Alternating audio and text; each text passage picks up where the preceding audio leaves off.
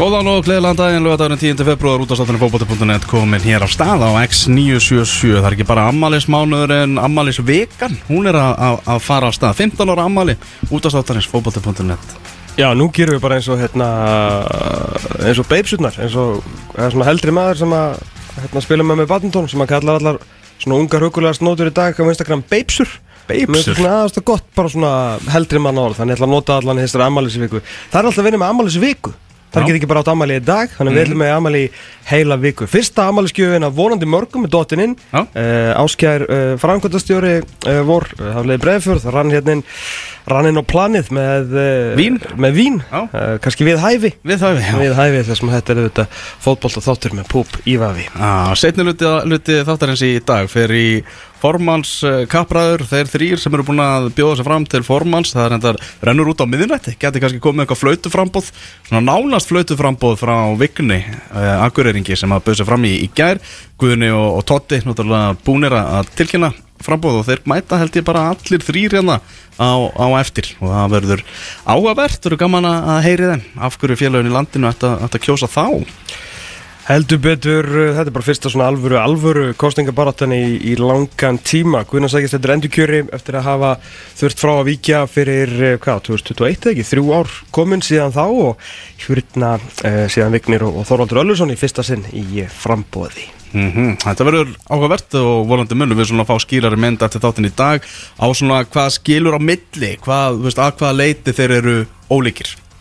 Nákvæmlega, nákvæmlega, hvar, hérna, hvar standa er í þessum málum, það er allan að ljósta að það er ímislegt sem þarf að, þarf að laga. Uh, held að það hefur svona sannast allan að með við samtölum mín við tvo starfsmenn KSI og síðustu þrjá starfsmenn KSI og síðustu dögum uh, og síðan að hlusta á uh, yfirmann fótboltamála. eh, hjá Hjörvar Haflega svona 50 daginn að KSI og ITF það er samband sem er í mólum Það neistar á milli. Það er bara þannig. Það er svoleiðis. Með okkur í fyrri hluta þáttarins Batti, Baldur Már Borgarsson Borgarstjórin í Árbæ, velkomin Hvernig ertu?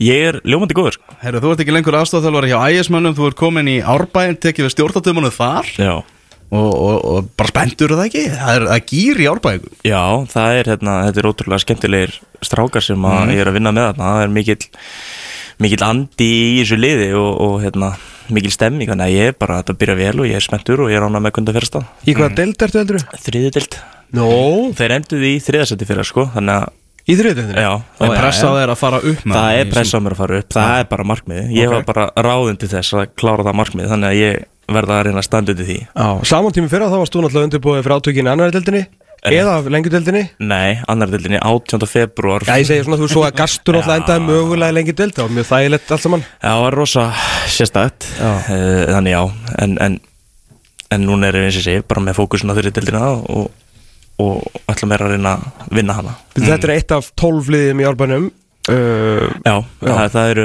fylgir og, og við og elliði. Já, Já. það er- það vantar ekki mennin þrjú fótbolltalið í árbæn það er Að fótboll á við þar. Já, væ, vægast það, það er náttúrulega lengi önnur íþrótt bara stundu í þessu hverfi. Já, nákvæmlega, svo eru konum með sér fótbolta þátt hérna á fyrstu dögum með þessa Árbæðingar Já, eðlilega, það er náttúrulega með þrjú lið þá þurfum við að vera með heilan þátt líka. Þannig að þetta er bara eðlilegt sko. Já, já, mjög eðlilegt. Erum við uh, koma með ótíma bara spá fyrir lengju deildina, varst að þjálfi þessari deild í fyrra og náttúrulega búin að sjá öll þessi lið sem eru í þessari deild marg, marg, marg oft þannig að það er bara vel við hæfi. Að þú sért maðurinn sem að kemur hérna með uh, ótíma bara spána, við ætlum bara að byrja þetta. Hvað, bara, hvaða liði ætlar að grýta í 12. sæti, neðsta sæti í ótíma bara spá lengju Það deildina voru byrjað þar. Já, Hörðu, þar ætlum ég að henda bara í rauninni mínu uppeldsfélagi. Dal, Dalvik Reyni.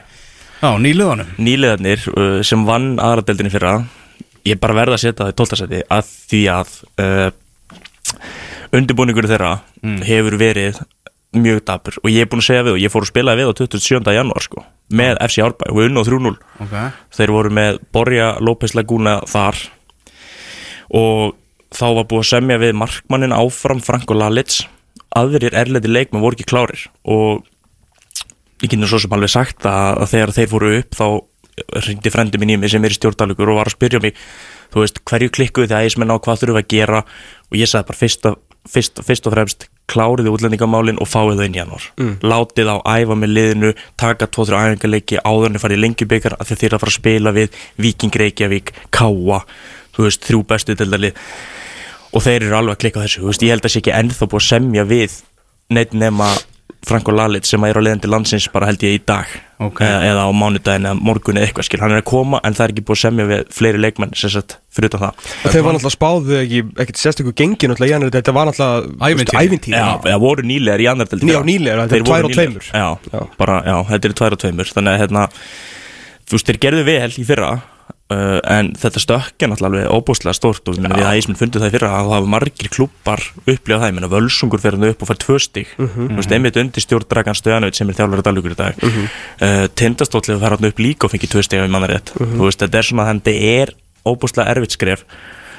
Og eins og sé, undirbúningur þeirra so far hefur bara ekki verið nógu þú veist, þeir þurfa að vera búinir að klára fleiri mál og fá menn inn til þess að taka þátt í undirbúningi. Uh, þannig að þú veist, já, þeir, þeir, þeir spiluðu tvo æfingarleiki, þeir spiluðu við KF í janúar, töpu 2-0 og þeir spiluðu við FC Árbæ og töpu 3-0 Ah. og svo spiluðu við KA reyndar í daginn og töpu 3-1 þú veist, en, en ég stimpla það eða frekar á sko, mínar áhyggjur af KA frekar en að Dalvík hafi verið allt í náttúrulega stórkastlegir sko. Já, káa, menn hafa ekki litið vel, út sko Nei, þannig að, þannig, að, veist, það er svona. Kannski stærst ástæð fyrir því ég verð bara að grýta mínu mönnum í botsetið. En gaman, gaman að fá það upp. Ég, í, það er í virkilega, virkilega gaman og ég meina umgjörðin þetta er frábær, völlurinn er geggjaður það er mikið púðulagt í að hafa þetta skemmtilegt sko. þannig að ég, stuðnismennir líka geta verið geggjaðar að það. Þannig að þetta er svona skemmtilegt lið en, en þeir þurfa að spýti lóan eða er alltaf ekki að falla. Serðu þið fram á, veist, er fall, í dag er bara fallpessufóður? í dag, já, já, í dag algjört fallbísfóður Ok, Hver er allar að senda niður með? þeim? uh, ég er setið í 11. seti Bara nýliðarnir niður Já, uh, mér finnst ég er eitthvað að hafa litið fínt út Mm. uh, so far, þú veist, þeir eru búin að vinna leiknum tvisvar er það ekki rétt?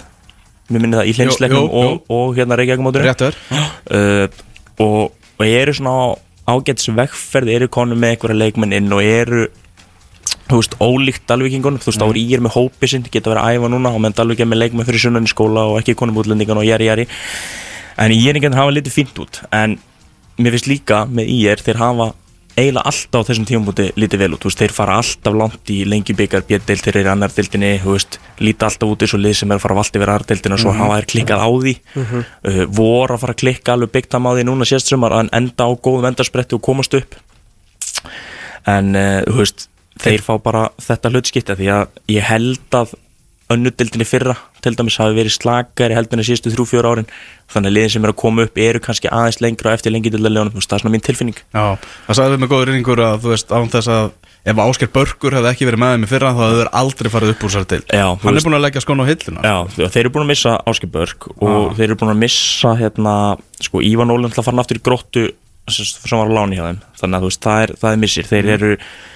að að að það það eiginlega markmannslausir eftir að Ólafur Örd sem að var hjá þeim að láni fyrra en alltaf komin aftur í Háká uh, Ernest Lupski var að láni þeim í þró, frá þrótti, veist, það er góðu leikmaður. Þannig er að mist góða leikmenn. Uh, það er náttúrulega einhverjir flotti leikmenn að samningslausir en þú veist, ég, maður er býst við þeir inn að halda sem mestu af þeim, sérstaklega eins og Stefán Pálsson, Ali Kostic uh, Robert Elís Lindsson, það er góða leikmenn Bergvin Fannar, veist, maður er býst við að þessi leikmenn verði áfram þó þessi samningslausir. Uh, og svo er þið búin að fá Mark Ásland og Kristján Allar Martinsson sem Já. er, þú veist, svona allt í lægi Maka Ásland bara tekið við fyrirlega bandinu? Já, já, hann verður bara kongun hann í byrjaðaltinu Bragi Karl Bjarkason skora 21 mark í annari tildinni fyrra. Já. bara lang, lang, lang markaðistur Getur hann ræðaðin mörgum í lengjutildinni? þú veist, ég held að þeir verði mjög heppnir ef hann setur 7 til 10 mörg, skilur þú veist, ég held að það, það verður mjög gott fyrir þá. Hann er aldrei að fara að skora 20 pluss, bara glemt því sko, en, en, en hann getur alveg skora mörg í þessar deildin sem annar deildinni, það voru lið sko úr lengjudeildinni og meira þess að bestdeildinni á síðast tímbili að skoðan veist, mér- ég heyrði einhver að sögða því að kepla ekki að það á kaupan og eitthvað svona sko sem voru þá í bestdeildinni þannig að það er leikmann sem getur vel spila þessar deild en, en veist, þeir þurfa að fá frá honum 70-10 mörg og þá, veist, geta þeir alveg ég, er, er í dag miklu líklegri til þess að stríða liðan fyrir ofan sig heldur en þetta alveg greinir, sko. Og þegar áliðið sumarið hefur alltaf, ég er alltaf verið þannig að þeir eru- voru áttu þetta langa raunnið í, í næstustu deild með, með lauga og svona, þannig að eru búa því að vera í mjótinni þeir eru miðsvæði, svo Já. getur alltaf sérstaklega í glugganum ná sér í lánsmenn og svona, það voru, Já. alltaf þetta var svona mikil svona uppskólunarstöð fyrir svona svolítið útbrunna fótboltamenni þá sem voru ekki að fá annars þar það er mikil- auðvildra að fara í ír heldur þetta alveg grein miklu öðuldra fyrir dýr, já, já, klálega þú veist það, þó þetta séu sömu treyjur. Já, já, þeir, þeir, þeir hafa það einmitt fram yfir að, þú veist, lánsmenn úr liðin sem er að fá lítið að mínútum Mhm. nenn að fara í er en það er e, ákvörðun að flytja til Dalvíkur emitt, emitt Í baráttu við hvaða lið verða íringar? Hvaða lið eru hann í setunum fyrir ofan? Herðu, niður um eitt sæti frá því fyrra er ég með grótumenn Gróta í 11 Já, uh, þú veist Nei, nei, hann á 10 seg Nei, tíu, já, Já, já. Grót, grótumenn tíu. Sko þeir fannst mér bara að mörguleiti heppnir að hafa náða að hangi deildinni fyrra út af því að, af því að þú veist, þeir byrjuðu móti fínt sko, voru alveg bara í efri hlutanum megnið að fyrir hlutanum. Svo bara held ég að þeir vinni valla fótboltaleik í setna hlutunum og hérna veist, ég bara hef svolítið, áhyggjur aðeins sko, veist, þeir, þeir eru búin að missa náttúrulega sko, Steinar Björns, hérna vikingurinn hann er fann í þróttaláni núna, hann er búin að missa hann hann spila mikið, hann er góður. Já. það er svona power player sem að vantar. Tómas Jóhannesson, uh, krakkin sem að var að tröllri að öllu seltöfnir sinna það í fyrra. Var bara lykilmaður, þrátt fyrir að vera krakki, sko. Líkilmaður, ógislega góður. Hann er farinn. Uh, Arnar Númi uh, var að láni frá Breiðablík, hann er farinn. Og svo er Pétur Teodor náttúrulega líka farinn eftir Breiðablík, maður veit ekkert hvað verði með hann. Nei. en, en þú veist, þetta eru mikilvæg postar í þetta gróttili fyrir fyrra þeir hafa fengið Valdimandala frá Þór sem var mjög góð með Þór. Mm. uh, veist, það, það er góður leikmaður.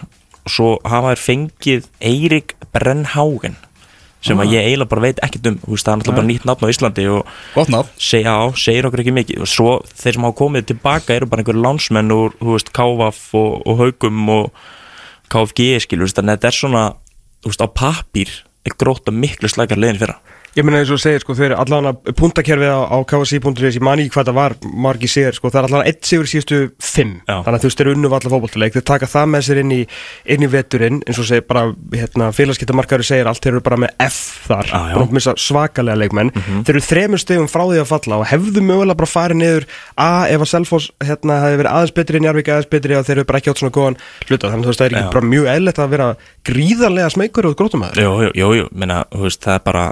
staðan eh, að ef að Ír er að fara að stríða liðan fyrir óvansi, þá er það mitt bara gróta sem er í hættusvæðinu. Mhm. svona myndi ég segja það, sko. En hver er þá fyrir ofan þá hérna í nýju? Herðu upp meitsætti Njarvík. Já, Eh, ok. og ég svona byggi það svolítið á því að, að hérna, veist Gunnar Heiðar er að taka heilt sísón og ég hef trú á hann, mér finnst hann, mér fannst hann geggjaður sko með KFS, þú veist, ég náttúrulega var að mæta þeim þá með ægislið uh, hann er svona góður í bara bæði að halda utanum góða stemmingu og veist, hann var með skýrt svona identity í leik KFS og, veist, og ef hann er með ennþá betra lið Njarvík menna, þú veist, ég hef bara mikla trú á að hann geti gert góða hluti. Þannig að veist, þeir eru alveg frekar spurningamerki um sko að fara over töfluna. Og menna gróta er sko þá spurning hvort það myndi svissa við í er veist, ef við förum í að reyna að grautar mynda þetta eitthvað.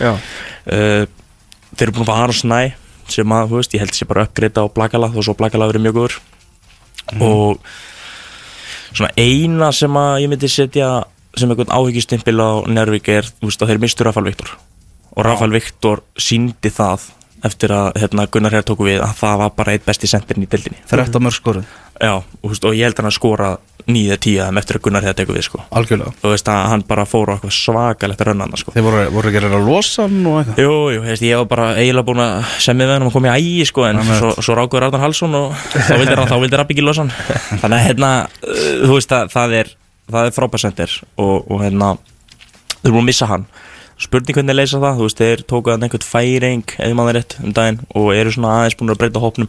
En ég meina það sem að þeir hafa mist út versa sem fengið inn finnst mér ekkert vera einhver pluss eða mínus, þú veist, nema bara að þeir taka annars næ í markið. Förum upp, förum í, í áttunda sæti Í ótíma bæru lengi upp spáni. Þarna er ég með þróttarana. Já, sama sæti og endur í. Já, uh, þeir endur í 18. seti fyrra og ég seti þarna aftur. Mér finnst þeir fara bara mjög vel að stað með venna. Uh, Þú veist aftur er mitt þjálfari sem að ég svolítið fylgst að spila átti þegar hann var með KVF mm -hmm. mér finnst það góðu þjálfari sko, mér mjög góðu þjálfari.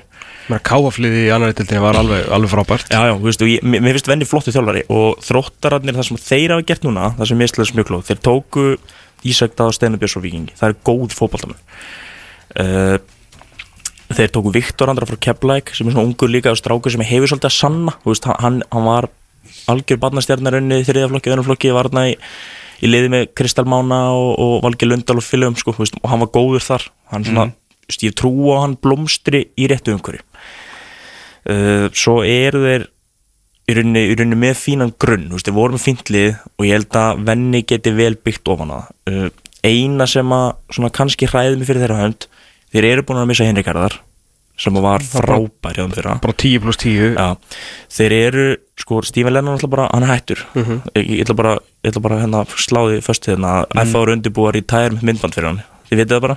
Ok.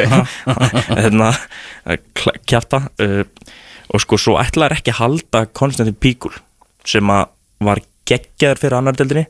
Hann var ekki jafn góður fyrra hann var ekki standað sér fyrra en hann er svona góður leikmar mm. þú veist, ég svona, þú veist, ok, þeir eru búin að vinna með honum í tvö ár það hlýtur að vera ástæð fyrir að þeir láta hann bara fara. En mér fannst hann geðveikur í annar deildinni. Þetta var bara svona þetta er ekki nú orðað, þetta var svona gaur sem bara hann hann var algjör ró í kringum hann. Stjórnaði öllu, þú veist, gætt spila hafsæk gætt spila miðju, ógislega góð með reynslu held ég er efstu deild í Úkræni sko, eða mann það rétt. Það var samt að leka alveg frekar óþægilega mörgum í Já, fyrra sko. hann var nefnilega dabur í fyrra. Já.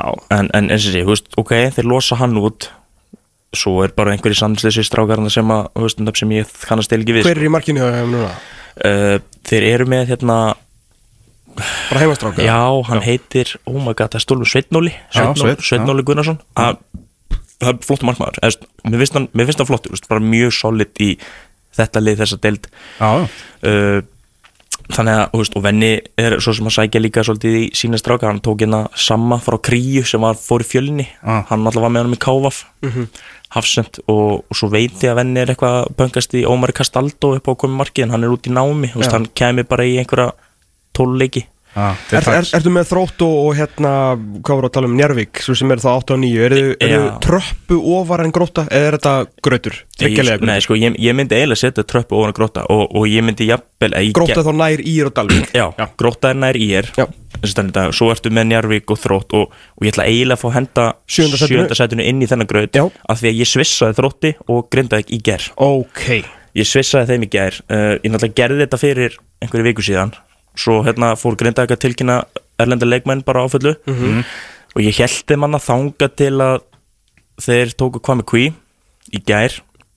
Og ég heyrði að þeir var að taka Hassan Jallo Já, Er hvað með kví komir Grindavík? Já, hann er á leiðinni bara, Hann er- bara eftir að tilkynna hann og, Já. og, Grindavík var mitt lið í beitildinni Já. og Hassan Jallo líka sko. Hassan Jallo, já, þess að hvað með kví Hassan Jallo er að koma og, og, hérna, og þeir voru búin að tilkynna þrjá erlenda leikmenn í vikunni líka fyrir það sko, þannig að, þú veist, Þeir eru ekki að sækja þess að menn til að enda samt í sjöfundasæti nei, nei, nei, klárlega ekki. Klárlega ekki, en, en þú veist, þegar ég seti þetta saman þá er Grindavík með null erlenda leikmenn og, og hérna búin er að missa búin er að missa hérna Marko Vardits sem að mér vist geggjaða leikmaður Já, þeir eru konum með annan, annan hann á miðjuna í staðan fyrir Vartit Já, Við erum komið með þrjá slófina já, tók, eða sérst tóku þrjá úr slómensku bjöðlinni Já, sérst, einn þeirra er andormaður en Ok. tveir þeirra eru já, já, slómens einmitt, einmitt. Og þeir eru allir frá sömu umbóðskristofunni sem var líka með Vartit þannig að þeir Já. eru bara treysta á þessu Ok, umbóðskristofunni ok.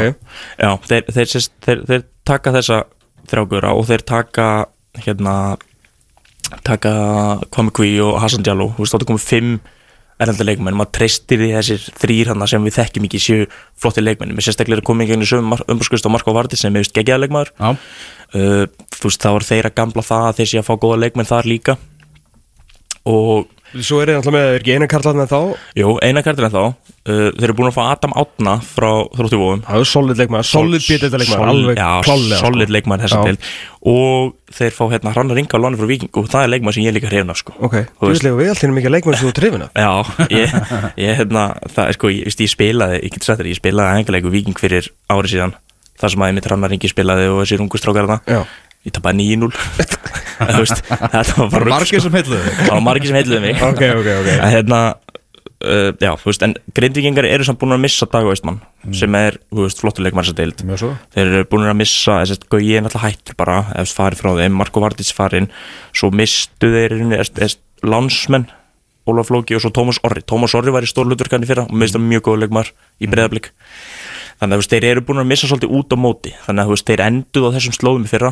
Ég man ekki byrja, ég nefndi þetta skilur þeir enduðu í sjötta seti, ég er að setja það í sjönda Já og þeir verða náttúrulega á öllum líkindum á lögadalsvelli geta náttúrulega Já, ekki spilað já, í já, já, Grindavík já, það var einmitt uh, einn af punktum sem ég komið og þeir eru ekki eins og fara að spila heima allir Já. skilur, þú veist, og, og maður veit ekkit hvernig einhvern veginn þeir ná að mynda og búa til einhverja stemmingu kringu liðið, þú veist, jú, bara pottet eins og sínt sér í körfunni Já, ég er með svona, heldur þetta gæti að vera svona, ég veit að völlur er alltaf stóri í þetta Já. En ég held samt að getur myndast alveg trillt stemning og fólk svona líka bara aðrir en grindvíkingar Já. Og þetta verður líka bara svolítið fyrir grindvíkinga, alveg svo körnuna Já. Bara svolítið svona, Svona saminningadag já og bara svona eins og samkomu hú, þetta verður svolítið bara svo já. Bara hittast það af því það er náttúrulega, það er körfuboltan alltaf. Nei. Líka bara fólk er bara að hittast, það hittist náttúrulega vel ekkit í bænum. Bara ræða málin bara stöðuna. fólk sem þú heitir kannski þrísveri viku út í búð eða í saumaklúb eða bakari Þú veist, nú er eini sensi kannski til að hittast þeim á þessu andanum. í sumar skilur þetta gæti alveg orðið eitthvað þú veist, Já. ef þið ná okkur um andu Já, ég myndi samt vilja að þeir myndu spila, þú veist, á fylgisvelli Hjartanlega eða, sammála því. Veist, að Að eitthvað bara- svona, aðeins minna, þú veist, og fá fólkið meira saman, af því að þú veist ég það er nú annað völlu hlera á bara Þróttur- verður þróttubæði hér í sumar já, Já, þú veist, á hérna aðalvellinu sínum. Já. á hverju grinda ekki, eða þeir sumu deildi? Já, Já. það er kannski já, já, já, þú veist, en, það en þú veist, það er ekkert búið, þetta er enda skráði í grinda ég veit bara KSI er búið að bjóða þeim Ég skil, lögadagsvöllin, ok, sko, ok, þannig ok. að þeir geta náttúrulega eiga bara þann völl Æ, ég meina, það væri geggja samt, það væri betra fyrir grindaðið upp á að ná líka svona heilstiftari stemmingu andað í kringum þetta að spila bara í víkinni eða hlýðanenda eða kópásvelli en kannski hugsaði líka um undirlagi því að í Grindavík er náttúrulegt gras og Já. lögadagsvelli er náttúrulegt en þeir æfa áltanis í dag. Og miðgarið, það gerir þess Já, já, mamma, já, kannski. Þeir eru sjötta seti Herðu, sjötta seti, þetta geti verið smávænt, ég veit ekki uh, IBVF, Eyjamenn í sjötta seti já, þeir verða ekki sátti með það maður. Nei, klálega ekki. En sko þú veist ég, just, ég skrefa bara til punktina. Það, bara, það veit engi hverju mæta til leiks í IBF-liðinu Nei, þú veist, þeir eru búin að missa held ég eiginlega alla útlendingana. Mm. þeir eru búin að missa Gísmit og, og Gaukarra þú veist, þeir eru með annan Jón Kristinn minnum hann heiti, Markmann. Ég veit að sko það voru strákar að fara til eiga á reynslu að æfa uh, fyrir 2-3 viku síðan veist, það bara dagur Óli hérna, strákur sem að fekk ekki samningi val uh, Kristján Hjörvar sem var hérna litli í þriði markmaða vals. Já, já, já. þú veist, hann var að fara hérna að æfa uh, mér var sagt að á einn aðeingunni hafi verið átta útispilarar og fimm markmenn. Þeir voru að spila bara fimm og fimm og alltaf þrýr markmenn í pásu sko. Þú veist, það er hérna það sem að, það sem, það sem Sta, Stafrófi farið náttúrulega Haldur Jón Sigurður Já, já, já, þú veist, Ah. þeir eru búin að missa náttúrulega góða leikmenn ef við flettum því bara upp hérna í meðina og því að Stanki skrifaði góða grein þú veist, þeir eru búin að fá hjörvata, það er markmaður Mm. þannig að þeir eru með tvo markmenn þeir tóku einn útlendingarna frá bandaríkjunum Vísandi Valor og þeir tóku Víð Þorvarar basically úr retirement. Veist, Víð Þorvar, Víð Þorvar var vinnu, hann var nú þungur í KFS fyrir tveim ára síðan sko. Þannig að hann þarf að setja sér í stand allavega. Ég veit ekki hvernig standan er í dag en, en það er góð leikmaður ef hann er í standi. Þeir eru búin að missa Elvis, Gísmit, Bjarka Björn frá Viking sem var á láni, Haldur Jón, Breka Ómars, Guðjón Orra, Filip Valensis, Kevin Brú, Michael Jordan, Richard King og Dwayne Atkinson. Þetta er bara, En nú flippar þessu yfir þá eru með Eid Aron, þú veist, svo, svo far allavega Já. Þeir eru með uh, Johnny Inga Já. Þeir eru með hérna, uh, hvað heitir hérna miðumæðurinn sem að Thomas Bent. Thomas Bent, Thomas Bent. nafni Flestir af Eh, þessum útlendingu sem eru farnir floppuðu Gerði náttúrulega ekki neitt Já. og, og hérna svo myndalega strækirinn uh, og vikingi Sverri Hjaldsson Sverri Hjaldsted, já. Þannig að þú veist, það er allan eitthvað að byggja Já, þeir eiga, eiga einmitt, þeir eiga stóð uh, til þess að byggja en það vantar bara að mynda stittuna, sko. Já, algjörlega, Að hérna- algjörlega. Ég, ég held þessi spá sér sko fullkomlega skilja núna en skrítið að vera að svona stórveldi sem var að falla sér í sjötta seti en bara það, næstfalli liðafna Já, já, ég meina það, einmitt, þú veist, ég er bara spenntur að sjá með hvaða lið IBF mæti til leiks klón 80-30 í Eilsöldringvöld á móti val.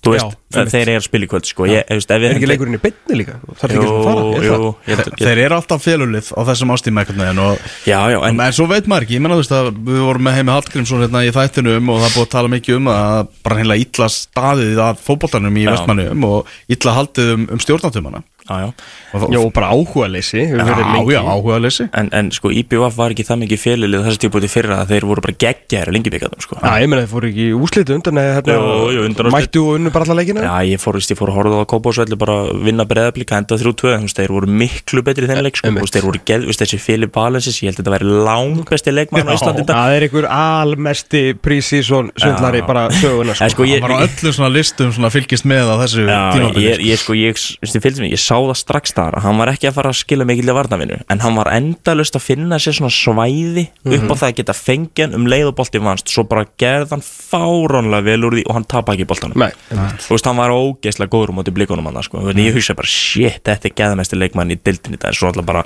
datt hann út úr liðinu og gæti ekki neitt Ah. þú veist, EM fengu ekki út úr hann það sem að þeir hefðu getað fengið út úr hann Áður en við förum í bara sætin sem skipta máli í þessar deil Það var að koma hérna bref Var þetta vallamálinu á Grindavík sem við vorum að ræða Já. að Það er séu í viðræðum Grindvíkingar í, Við Víkinga um að vera í Savamýrni já, ok, Og það er nú alveg það er þetta að mynda góða stemming eins og framararnir þekktu það bara þar byggðist upp stemmingin aftur og kortringi líka? Það, já, það, það er til dæmis bara mjög fín laust Já, það er príma staður það, það, það, frímarstaður. það er eitthvað sem greindivíkingar geta einmitt unni út frá í staðin fyrir að vera á lögadalsvöllinum þar sem að fólki, þú veist, þar sem að kannski þeir fá kannski tvöðsmanns á völlin, þetta er tínast í á tíðsmann velli, sko. Algjörlega, algjörlega Þegar við förum í fymta sætið, bara svo hlustundu viti það, það verður áfram sama fyrirkomulega við fyrra, Já. liðin sem að er í öðru til fymta sætið fara í þessa útsláttar keppni Mhm. og um að spila í 50 miljónar krónar leiknum á, lögadarsvelli.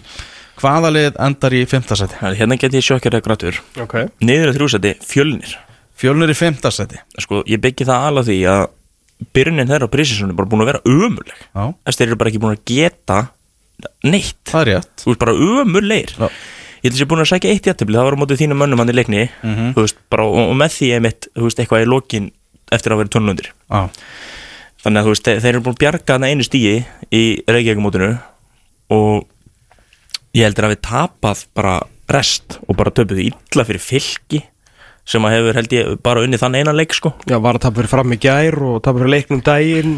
Það er ekki smá menn sem eru að mist, reynslu miklu leikmenn. Já, það er nefnilega, þeir eru búin að missa ef við lettum þessu finna Hans Viktor, Fanny Káa Já. Bjarni Gunn, Dofri Snorra og Gummi Júl allir hættir. Já, það, það er nefnilega veist, Þetta er rosalegt, þetta, þetta, er, þetta er, Og Ég veit að þeir fra- framkalla og framleiða mikið af ungum og góðu leikmönnum Mhm. En þú veist, það þarf líka smá reynslu í þess að deildi og allir að gera já ég minnst það, þeir eru bara búin að sækja dag, brúðum ána uh, hérna, sem stúr grindæk en einmitt, þú veist, þeir búin að missa Hans Vitor Bjarni Gunn hættur, Dóri hættur, Gummi hættur þetta er bara, þetta veriðist vera allavega so far of stór biti af held ég bara bæði reynslu og karakter Mhm. út úr hópnum. Af því að þú veist, þeir, þeir eru búin að fara virkilega illa stað og ég hef bara áhyggjur að því að, að þú veist, það bara geti haft áhrif inn í mótið En svo getur það svo smálega verið ég hef ekkert hert um það eða hert frá þeim og kannski þegar verður tekið viðtal við hérna, við Úlf þegar nær dregur eða eitthvað leikmann að þeir sé bara farið smá rýpild sko allir bara móka inn næstu kynslu og Já, er, er fjölnir að drífa sig eitthvað upp? eða? Nei, veist, nei ég heldur þetta að Úlli vilja alltaf fara upp sko. Já, ég held að- ég- er að tala um félagið, Já, sko. já Úlli, Úlli er alltaf að hugsa um sko, sinn feril sem þjálfar og vill Já, væntanlega- og, og gengið vel fyrst, fyrst árunum Já, já, brú, hann vil alltaf fara að stíga þetta skref og koma liðinu upp og, og fara að þjálfa í eftir til Ég hugsa að Úlli hugsa þetta En ég hef heyrt að, einmitt, félagi þurfi kannski að fara í smá rýpild út frá því að fjárastæðan sé bara í mólum Mhm. Þú veist, það, það er það sem ég heyri Þannig að, veist, þetta er svona Geti verið einhver tókst þetta Maður veit ekki alveg, þú veist, hver lendingi verður Hvað menn ætla að gera og hvað menn geta gert. En, en þú veist, það er klálega búið að losa launabötsið að lista með þremur, fjórum sem eru að farnir og hættir. Algjörlega, algjörlega. Já, mér finnst þetta ekki, ekkit óverlegt þessu staðin ekkert núna sko með hvað þær hafa verið alveg ég hef ekki séð mikið af þessu. Sá mörki sem vikingandi skoru ég veit að þeir eru náttúrulega markvalt betri þeir en, en þetta var rosa, rosa létt. Já, já, já, þú veist, en, en fjölnir er samt með, þú veist, þeir eru með Sýrunda sem er skoða markmann, þeir eru með sem er Haldur varmarkmann sem er líka góða markmann, Já, þetta er svona, markmenn. þetta er svona, þetta er svona báðir gauður sem þurfa að spila, þú veist, að hérna, Var ekki að lána annan þeirra? Jú, veist, þetta það, í þróttu eða eitthvað. það væri eina vitið að lána Haldur og bara láta hann spila, Já. en, en, þú veist, þá vantar þá náttúrulega varamarkmann eða eitthvað skilur, maður veit það ekki, þetta er alltaf líka, Það er nóga markurum hann í grafin Það þeir framlega alltaf markverði sko. Það vantar ekki. Þeir eru fjölnir úr baráttunni um uh, að komast beint upp í baráttunum að komast í umspilið en uh, það var að fjóraðasettið sem að uh, var vestri á síðustu Og þeir fóru allavega upp. Þeir fóru allavega upp. þannig að þetta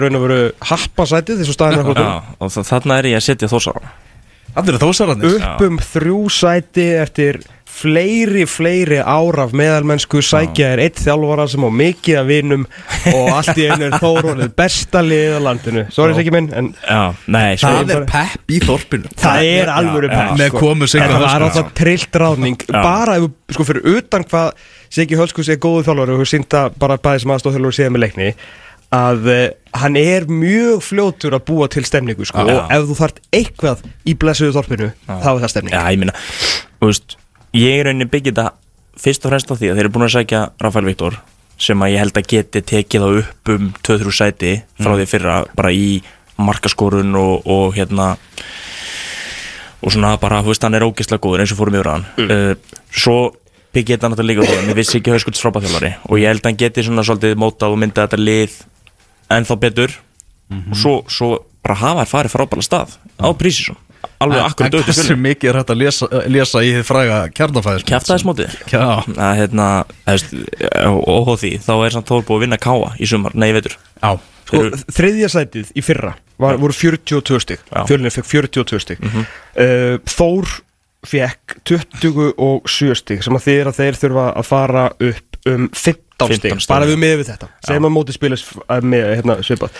Þeir eru með uh, er ekki Rafael Viktor eini sem er komin svona allan að komnu farin til listarum. Ég, ég veit ekki meira um það. sko, Já, ég, Þeir er búin að missa Bjarta Guðjón sem fór náttúrulega í val. Ég veit að hérna, hann svona, var ekkert eitthvað að tala eitthvað frábælu um hann á síðustu leitið kannski hefði verið ennþá betur á þessari leitið uh, kannski það er kannski það stærsta sem þeir mistu þannig. Já, ég meina, þú veist, Valdimar Dæði var góður Já. fyrir gróttu. Já. Þú veist, það er svona, það er svona þe- þessi tveir þú veist, Kristján allir var bara fínn þú veist, fyrir ír. Okay. En er, er það að segja mér að, að munurinn á, á, á 27 stugum og 42 sé Rafael Viktor og Siggi Höskulds uh, Ég líka, þú veist, það sem við kannski er ekki búin að koma inn á Ef við horfum í gluggana á öllum liðunum Já. Ég held að flest liðin sé mínus okay.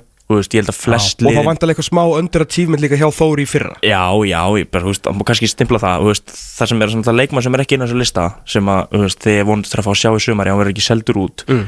Þetta er Egil, uh, ógeðslega góður úlingalastismæður Ok. Þú veist, það er bara gaur sem að ég vil bara sjá fá að spila 22 leiki í þessar deild og bossana hann er vinstri bakur, ég aldrei séð svona bann sko. Já. Hann er bara full, fullorðið bann En sorry, við vorum alltaf tala um fjórðarsæti þannig að þeir þurfa hérna 12 stig. Já, Þetta er 12 stig að brúa, cirka Já, já, cirka uh, En ég, ég held að Þú veist, Þór kemur eins og stannaklega núna Svolítið high flying inn í móti Þú veist, það er mikil stemming Það er búið að ganga vel Þeir eru búin að vinna káa í vetur þú veist, Og mér skilst að það er bara verið fyllilega sangjart Svo erum við Mark Rochester Sörensen hann Ógislega góðu leikmaður. Bara eitt besti leikmaður deildarinnar. Já, Og þeir eiga eftir að fá f- Sko, annan útlending allavega inn Já. uh, Veit ég. Og svo kannski bara Hérna Þess að þið sko Mér, mér skilst að þeir getur mögulega verið að ná átna elvari frá leikni Já Fá handl fyrir norður. En það end, endur þessi Bjarni ekki aftur hann bara láni? Er hann að fara að spila fyrir eitthvað fyrir vali? maður veit það ekki sko. Það fyrir alltaf bara til hvernig hann nýtir sín sín þegar lánsísoni hefst í mæ skilur við, verða þá ekki Siggi Höskuld, er hann ekki ansið sleipur og sellinu þar? jú, jú, jú, jú, Hann öllu sko. alveg mögulega fengið hann lána hann tilbaka ef að Bjarni er ekki að fara að nýta tækjaversið í kvöld til dæmis ég veit að hann byrjar í kvöld hef mjög punktar það niður hérna, þannig að þannig að hérna já, þú veist, mér að það geti vel verið að hann bara Ok. endi og spila í Þór í sumar, maður veit ekki En Þetta er allan að, hérna, er stemning fyrir þá að fara upp með þrjú sæti og, og Þóri í playoffs, það er eitthvað sem ég myndi ekki, ekki nenna sko. Þá er ég meina að spila mótið Já, já. í einhverju one-off leikjum sko. já, og, og vilt heldur ekki fara á Akureyri í undanúslutum sko Nei, ég meina und, í undurnarslöldum, hvað með góður sko. það, það, það, er allan flott fyrir þá Jöllismenn eru hressir í þessu umspilið maður Já, já, fær nú og myndu að heyra gamla góða stefið það. Já, já, já. Það uh, sem eru þá heimaleikur í uh, umspilinu já, það er uh, leiknir Reykjavík. Það eru mínu menn. Það eru þínu menn. Já, Ha, þínu menn í leikni elvar. Já. Eh, sko ég í rauninni byggi það svolítið bara á að, að hérna, við finnst þér að lítið ágætlu þeir vinna fylki, já. þú veist, ok, tapa til svo ríð Svolítið misafnir, en, Já. en þegar þeir eru í gýrnum þá, þá þeir helviti já, skemmtilegir þeir, þeir nefnilega eru ógeðslega flottir. Þeir eru Já. on it sko, og hérna þetta er annað sísinu af fús og donna. Ég held að þeir hafi lært ansi mikið í fyrra Mm. þú veist, ég held að það dreigði mikið lærdum út úr sérstaklega bara fyrir hlutunum. Hvernig þeir svo náðu að snúa því við og koma liðin inn í playoffs og, og veist, fara í þessa möguleika. Veist, ég hef trú á þeim. Leikni spila skemmtilega fótbolta og veist, þeir eru bara ég segi, með fínan hóp, sko. Ok, þeir missa átnæðalvar þeir missa þannig að finns svo fyrir Arnur Ingi val aftur, hann geti komið tilbaka á láni. Ég sé hann allavega ekki vera mikið í val. Já, ég myndi að opna armenn fyrir honum. Já, veist, ég bara það væri alveg típist að hann kemur aftur. Uh, og Indrid Hóti var náttúrulega bara varamarkmaður og svo fer aftur í hauka. En þið finnst liðið núna nógu gott í þriða sæti? Já, með að við bara deltinu svona er? Já með hvernig deildin er bara með vissliði nógu gott til að ná þriðasettinu en, en þú veist þú veist, Aron Einars kemur frá Selfossi Já, hann er að lita vel út hann er, hann er flott spilari sko. Duracell kannina Já, sko. hann er hann, þú, þú færð svona 20 km leik frá honum sko. ah, Þarna, það sem ég er mest ánæður með bara sem stuðnismæður leiknis og að horta á þess að leikja undir pústinðabillinu það er það að mér finnst ungu leikmennir vera að taka step up bara Ok. þú veist allir einhvern veginn að verða, verða betri Þú veist, ég held að Robert Quental verði Mhm. geggjaður í, í sumar sem var það líka svolítið draumur með að ráða fúsa Já, já Já, já og þú veist, Andy Hoti ef, ef hann er að fara að stíga enn frekar upp í, í vörnunni og mm. -hmm. skæð sem Vesala er búin að vera að líta vel út í, í, á, á Prísisson og margir svona, bara um daginn þá voru held ég bara, voru ykkur sex leikmenn uppaldir í byrjunarleginu allir af Erlendubergi brotnir Já, sko. já, já, já. svona þessi strákar er að koma upp í breiðoltinu þessi, þessi Já. en, en þetta er einmitt, þú veist, þessi, þetta er annað sísn og fúsa á Donna, þetta er þú veist, bara annað ár fyrir í reynsluboka fyrir einmitt Kvendal, Andi Hóti Robert Hauks, þú veist, þeir eru með Ómar Sóe þú veist, þeir eru með Sindra Björs þú veist, þeir eru með mi- bæði sko mikið hjarta í liðinu og þeir eru með góða leikmenn. Þannig ég er svona þessi, ég, ég trúi því að þeir bara verði í þessum þú veist, ég, ég, þegar ég hugsaði þetta ég var svona grauta annað þegar fjólasæti þú veist, ég var, ég var með fjölni fyrir neðan það sko, þú veist, fjölnir íbí vaff var alveg fast með eitthvað svona Já. Tæft sko. En svo, svo fremur sem að leiknir er eh, ekki að gefa mörg á sölufati þá eru þeir Já. ansi hættulegir. Já, það er raun og veru bara fór með mótir að því, veist, þannig síðan skilur þeir geta verið bara um að fara upp þannig. Já, já. Já, svo sem eitt sæti, nei, kannski ekki alveg. Ótrúlega ódýr mörg sem að ofta tíðan Já, við dagsins ljós já, sko. já, já, En það er líka hluta að vera með unga leikmenn Já, já, það liðinu. er bara en drullu já, skemmtilegt og spila bara djart. Þú veist, þeir eru spila Já, já. djart fótbolta og það kostar oft líka. Já Herru, annarsætið, Já. ekki upp. Ekki upp, annarsætið og þetta er einmitt, eins og ég segi, þetta er efsta sætið í, í næst efsta grautnum. Það er hérna, eða í raunin efsta grautnum að því að fyrsta sætið er Nú er ég spenntur. Nú er ég spenntur. Já, hérna set ég keflæk. Hérna hendur í keflæk. Hérna hendi ég keflæk. Já, já, já. Og sko ég svona set það út frá því að mér finnst þér hafa byrjað að prísa svona fínt þú veist, kannski ekkit með einhverju bombu en þeir veist, þeir unnu háka og hafa verið að spila fína leiki. Nú er Halli að fá bara prísísun og heilt sísun með liðið. Halli var getið flott að hluti með reyni sengirið uh, hann er hérna og hann er strax svona að nýta sín sambönd. Hann er fann að fá leikmannlána frá Álasund í Noregi. Fekk hérna afrískan kantmann. Mamadou Diaf Já, Sami Kamel er áfram. Bara svo best sem ég veit. Ok, það er stórt. það er náttúrulega mjög góð leikmaður. Mhm. þannig hérna Keflavík svona, þú veist þessi segi Keflavík getur endað í öðru þegar fjóra seti fyrir mér er Þór leiknir Keflavík grautur en ég setja þess að veist, þeir eru líka koma niður og eru bara með fíntlið þeir eru svo sem búin að missa alveg þeir eru búin að missa uh, Gunnlufannar uh, þeir eru búin að missa Mattias Rosenörd og Magnús Þór er hættur. Ég myndi segja að þetta sé svona kannski þrýr af þessum stóru sem aðeir hafa mista út en til, þú veist, upp á móti hafa fengið mitt Mammut og Diaf uh, og þeir fengu Kára Sigfús og þróttu vom, hljómar astnalega ég sé að mæra hann strák sem að þeir eru að sæna annar deildinni, en þú veist, ég held hann að skora 10 mörk í 14 leikjum, hann var geggjaður sko. Ok. Og ég finnst ég mjög spenntur fyrir þengur og, og hérna og skal ég segja ykkur stól, En það er einhvern veginn með keflæk með þetta svona bara siltu einhvern veginn undir ratarinn í umræðinu það er einhvern veginn enginn Já. að pæla í þeim. Nei. en þeir eru bara með í þessari deild þeir eru með upplugan rigg og, og bara hörkulið Já, Já, bara og- petigri í vissari deild Já, fara upp úr nokkru sinum á síðust árum sko. Já, já. Ég er samt svona einhvern veginn alltaf þeirra hvernig fyrsta ári niður veit maður ekki alveg með á en, en ég skil með að við bara gæðin í liðinu Já, og- en þú veist, þeir fara alltaf einmitt á fyrsta ári þeir eru komin niður í algjöra svona hreinsu Já. þú veist, þeir taka það alltaf sko veist, og það er spurning hvernig, er, hvernig verður það núna? En, en þessi, ég, ég hef einhverja tilfinningu fyrir því að þeir verði bara helviti flottir sko. Sigurvegari deildarinnar og beint upp uh, sem myndi þá þýða í fyrsta sinn í sögu ungmennafélags afturheldingar og þeir sem við spili í efstu deild það undir stjórn uh, Magnúsar Más Einarssonar uh, pressan það byrja að hlafa Já, pressunni nú, á við hann. Sko, ég, reynd, ég reyndar til þess að minkan á hann.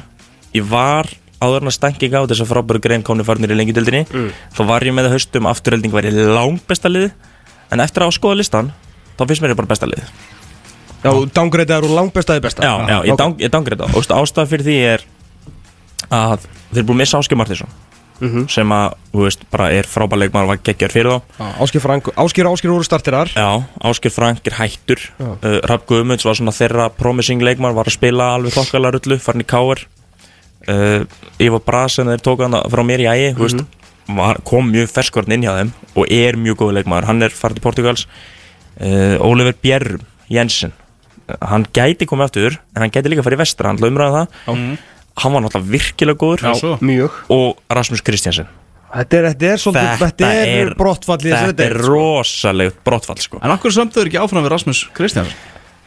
Ég bara veit það ekki. Þú veist, ég, þú veist, samnýslausin alltaf markmaðurinn En þú veist, verður hann ekki áfram? Er það ekki það sem að allir rekna með allavega? Þetta var að leifa um unga strák sem alltaf, hann fær tækifæri núna í vetur og Já. svo verður bara st- staðan skoðuð. Okay. Sko, þeir fá náttúrulega Ára Jó sem er náttúrulega algjörbúbót í þessari deild, ekki Já. spurningu það. Aron Jónsson, ég þekki hann ekki úlíka landslismæður sem er að spila með brann. Nei, það, það er einmitt spurning, sko, hversu mikið kóð vera þessi strákur Rasmus Kristjansen Þú veist, þetta Ég, er- ég ætla bara að segja ekki, við vitum það, Þrítugur atunum eða skilur Rasmus Kristjánsson já. versus strákur sem er verður vafalítið góður en þú veist, til að byrja með allan alls ekki. Mm og svo náttúrulega Sigurpáll Melberg sem er bara svona búin að vera guslar í þessari deildin mörg, ár. Já, já, bara fít, bara fít spilari, heimastrákur, valgirarni Þú veist, það er líka bara fít spilari, heimastrákur. Sko Maggi er í mínus svo far á hann, margan sko. hann er nefnilega í byllandi mínus. Mér, mér finnst þetta alveg frekar stór mínus. En, en hann er samt að mínum að þetta fara að vinna deildina sko. sem, ok. sem að kannski segir okkur eitthvað um það sem ég var að tala um á þann að deildin í heild er í mínus. Já, hún er lagari Þú veist, hún, Hún er er, í mínus, já, hún er í mínus. Þú veist, ég er bara bölvaði að mittlið ægi ég hef ekki verið að þjálfa núna, sko, ég liggi Já. þetta ég hef ekki átt meira breyk Nei, en þú veist, að, já, þessi deildin í heild er í mínus sem að gera það líka verkum að ég get kannski raukstutu frekar að, að, þú veist, ég er með Þór í, í svona, kannski hást, hástökkvarar Mhm. og og hérna þú veist, leiknir líka, þú veist, fer úr 5. upp í 3. Já. En, en gleymið því ekki, þú veist, að þetta er algjörlega ótímabær spá í lengjudildinu því að mótið þar byrja náttúrulega 3. mæ Þriðja mæ, Já, sko, já. það er alveg málið Það er ennþá, sko, við möttum að fá aðra átum bara spá frá Já, Það kemur að koma aftur. Alveg spána á Þetta er deild það sem að hluti geta breyst Því að þú veist, ef það dettur inn bara einhver sko það, það dettir lánskallari bara Það eftir, málið, eftir sko. fyrsta leik sko, Það þú er veist, meina glugg, glugginn lokar þetta í 15. mæ eða eitthvað, þú veist, að, það dettir lánsmenn 14. og 15. mæ, Já. bara eftir eina tvær umferði sko. Herru, rúlaði yfir til lokin, hvernig er spáin hjá þér? Og ég er að fá einn að spá hver, hva, hvaða liðu ætlar að spá Já, upp úr, upp úr, upp úr umspilinu uh, ég ætla að setja það á Þór já, ok það er bara hap- happasæti, þeir endi í happasætinu nú voru ekki brálaður hérna, Afturölding, Keflavík. Já, afturhaldi keflaðið leiknir. Þór fjölnir, hann er með keflaðið leiknir Þór fjölnir í, í uppspili. Mhm. fyrir neðan Íbjöfaf, Grindavík Þróttur, Njarvík, Gróta, Ír Dalgreinir Ég er alveg greinir niður, Maggi upp. Þetta er kannski eitthvað sem að við var búið. Það verður mjög áhugavert að sjá það Því að eins og segir, eitt leikmaður í eitt lið til að frá í þessari dild Ef að nafnið er nógu stort að það getur farið sko, upp eða niður um 1-2 sæti sko. Baldur Már Borgarsson, takk kjalla fyrir komuna. Já, það er Takk bara- kjalla fyrir. að setja saman fyrir okkur. Hlökkum til að þeir eru mættir hérna fyrir utan Þeir eru mættir fyrir utan frambjóður til formans knattbyrnu sambands Íslands og við ætlum að eh, aðeins að spjalla við á hér næsta klukkutíman eða svo. Áframheldur út af státtarinn fótbolti.net hér á X977 24. februar, það er eh, dagurinn það verður ást í KSI haldið í Úlfarsadalnum í eh, Reykjavík á, á svæði framara og það er svona vekur náttúrulega mest aðtikli er að það verður verða formannskiptið þar sem að vanda býður ekki uh, býður sér ekki fram áfram og uh, við ætlum að henda okkur bara hérna í umræður hvorki meirinni minna Heldur betur uh, þeir eru komnir til okkar frambjóðu til uh, formans knattbyrnu sambands Íslands þetta árið fyrir ásningi 2024. Þetta eru fyrirformaður, uh, fyrirmaturumar og landsliðsmaður Guðni Bergson, velkomin. Já, takk. Þorvaldur Álusson, sömulegis, fyrirmaturumar og landsliðsmaður og búin að vera að þjálfa hér lengi og spila auðvitað, velkomin. Takk að fyrir. Og síðan Vegnum Már Þormásson fyrir með formaknarsbyldar Káa og svona norðan maður, velkomin Takk Og nýjasti maður inn í þetta, bara rétt Við rétt náðum að bjóða þær bara því að þú bauðst þér framverðið rétt fyrir framboð Fyrir stjórnamaður. Og fyrir stjórnarmaður í KSÍ að sjálfsög. Fyrir stjórnamaður KSI á Já. til 12 ára. Nákvæmlega. Herru við hérna uh, bara höfum þetta svona á léttu nótum svona meira spjallhættur en einhverjar kappræður. Uh, byrjum bara svona aðeins á, á svona formuleghætturum og svo förum við nokkuð málefni. Við bæðið svona alltaf með spurningar sjálfur og svo þetta leitum við til fólks í reyfingunni sem að vildi náttúrulega heyra alls konar hluti frá mögulegu mönnum sem að er að hérna að fara að leiða þetta. Herru ef við byrjum bara svona á afhverju og byrjum á þér Uh, Guðni, við þurfum alltaf að byrja á erfiða málunu því að þú mm -hmm. þurft að leysa það líka á, á fundu þínum uh, það eru þrjú ár síðan að hérna, Tvö og hálft uh, síðan að þú varst ja, þurftir að fara Já. út af bara erf, mjög erfiðum málum hvernig ertu búin að hérna, hvernig ertu búin að, hvað ertu að segja við félögum þegar þau eru að spyrja þig út í þetta og svona hvað, hvað lærður það þessu? Ég, við, auðvitað bara ræðum þetta almennt og það er mísjátt. Það hefur ekki verið kannski svo mikill farið tími í þess að best að segja. Og minna kannski heldur en hjælt en auðvitað maður við, viðrar þetta við ræðum þetta bara reynd út og ef að þörf er á og en, en flesti finnst mér svona að vera að horfa fram á veginn en, en það sem ég segir veru að, að auðvitað tóku þessi mál og þetta mál auðvitað mikið á mig persónlega og, og, og auðvitað alla þá málsæðilega og það sem að koma að þessum málum og, og það sem að og veru, maður reynir bara að vinna svona inn á við, vinna úr þessu, fara náttúrulega vel yfir hvað aðbörður á hvað hefði mátt betur fara á er þetta sinn harðast í gaggrínandi og, og maður dregur bara lærdum á þessu ég hérna auðvitað á þeim tíma e, fórið þessi mál í mínum huga og, og, og mínu fólki og hérna og e, í rauninni var auðvitað stett með í huga og hvernig svona málsmeðfæra reglur eins og ég taldi að best verið, ég ætla löffræðingur mm -hmm. og, og með tillit til trúnaðar og og forræði aðila á eigi máli og, og þetta er einu verið svona á endanum sköpust aðstæði sem voru mjög erfiðar e, þannig að e, leiti til þess að, að e, ég bara fann mig knúin til að segja af mér til þess að ég raun og veru að, að bregðast við eins og staðan var komin þótt að ég hefði þetta þæm tíma í sjálfsögbauð upp á að skýra út málu og fara yfir það svona mm. með rökum og, og, og útskýra mína hlið en, en staðan var bara orðin þannig að ég taldi að bestur reyfinguna að ég viki og stýti hliðar og það var niðurstaðan og, og það sem ég tek út úr sig bara það er öll þessi reynsla eh, hvað auðvitað hefði betur mátt fara. Þetta er kannski skýrar í verkverðinu núna niður frá í kási en það var. Þetta er svona fyrsta stóra máli sem að við tekið, tekist ávið af svona fíliku máli og, og svo heldur maður bara áfram og horfum fram á veginn mm. Þannig að eru á endanum bara, þú veist, bara loka spurningin um þetta þannig að er endanum ITF sem að svona svolítið íti þér og stjórninni náttúrulega raun og er allir út, bara svona vilja að fá hreinsun af það, ITF er náttúrulega ekki annað heldur en þú veist, þú veist, Diet KSI menn þetta er bara félagin í landinu, þetta er mm. sama fólkið ja, ja. Uh, þannig að þú ert að sækjast þetta umbóði í raun og veru sama fólks og mm -hmm. vildi að þú myndi fara, ég geta ekki tala fyrir alla stjórna þú ert bara hér, ja, þannig að svona, hefur, hérna, sérðu alveg, þú skreiðarlega, sérðu leið tilbaka Já, að þetta er sama fólkið Já, ég held að við séum bara þannig samfélag og þetta, ég hef líka farið við mína hlið og hún mm. er þarna og, og þetta reynir maður að gera sér besta þannig að ég held að það sem ég geti viljið til þess að horfa, horfa fram á veginn og eins og segja, þetta hefur maður dreyið læritum að þessu mm -hmm. og þetta var alltaf tvískipt, þetta var kannski sko frekar staðan mín afstækka stjórninni og síðan kemur var náttúrulega ITF byrjuði líka að, að, að, að setja þrýstinga og einhver þetta gerast og fleira. Og síðan kjölfarið að ég reynur sagði að meira þá var alltaf gefið í líka ITF og, og, og brefsett fram og svo framvis mm -hmm. og, og þá fór allt stjórnin. Þannig að þetta var svona þessi atbúrá svardáldi með ólíkindum og ég trúi því að við, við séum reynslinu ríkar ef við höfum lært af þessu og, og, hérna, og horfum svo fram á einn Svo ber Þóraldur, eh, hérna, hvaðan, svona, hvaðan kemur þú í þessu? Hvað, hvað langar þig að gera og svona hverju stígu þú fram fyrir sköldu? Að... Já, hverju stígu ég fram? Já. Já, fyrst og fremst náttúrulega eftir að, eins og segir, eftir að vanda ákvaðað ekki bjóða sér fram mm -hmm. þá kom eh, upp í huga minn og í kringum með fólk sem að svona laði þetta fyrir mig og ég fór svona velta þessu fyrir mér og fór alla, allan skalan upp á niður að hvað og akkverju og allt það og mm -hmm. ég er svo sem búin að vera í hreyfingun ansi lengi Jú. og eftir að hafa verið spilari og hætti þegar tók við þjálfun spilandi þjálfari kringu 2000 þá er ég búin að vera á norður akkverju, austurlandi hérna á Stóraíkasvæðinu Suðnjössunum upp á Akransi sem þjálfari og núna sem rekstastjóri hjá stjórnini og farið svona alla skalan og á þessum tíma í félagunum sem ég starfað þá er svo sem verið kallað þjálfari en ég held ég hef verið frá því að skúra gólun og gera allt og í rekstarumkörun líka Já. og reynsla mín, eh, svo sem fór að velta reynslunni að eh, vinna fyrir norðan og svo fyrir austan það sem að lið sem var saman á þreymur sveitafélagum má segja, nýju sveitafélagum, það er að segja reyðafjörur, eskifjörur og norðfjörur og uh mhm. -huh. vinna með fólki og kynst öllum hlýðum reyfingarnar hérna á stóra gessunum með fram, farið gegnum góða hluti og gegnum bankarunni með fram og upp og niður í rekstri þá taldi ég bara það verið komin tími til að fara í þetta Já. og ég taldi mig að hafa hæfleika, kunnáttu og ringdi við það og fekk góðan stuðning og betra mörgulegt í bjóstu fyrst en síðan hefur hann aukist meira og, og þessun ákvæði byrjum við fram og e, setja nafn mitt inn í þessa baratu mm -hmm. og svo sjáum við á þinginu þegar reyfingin fær að velja sem betur fyrir fleiri neina í bóði og Já. ég tel það bara gott fyrir reyfinguna reyfing þarf að horfa fram á við, það þarf breytingar eins og alltaf í þessu margt búið að gera vel en við erum alltaf að leita eftir að betri. Mm. Vegna þú kemur síðastur inn bara í, í gær. Hvað hérna fekk þið til að taka stökkið?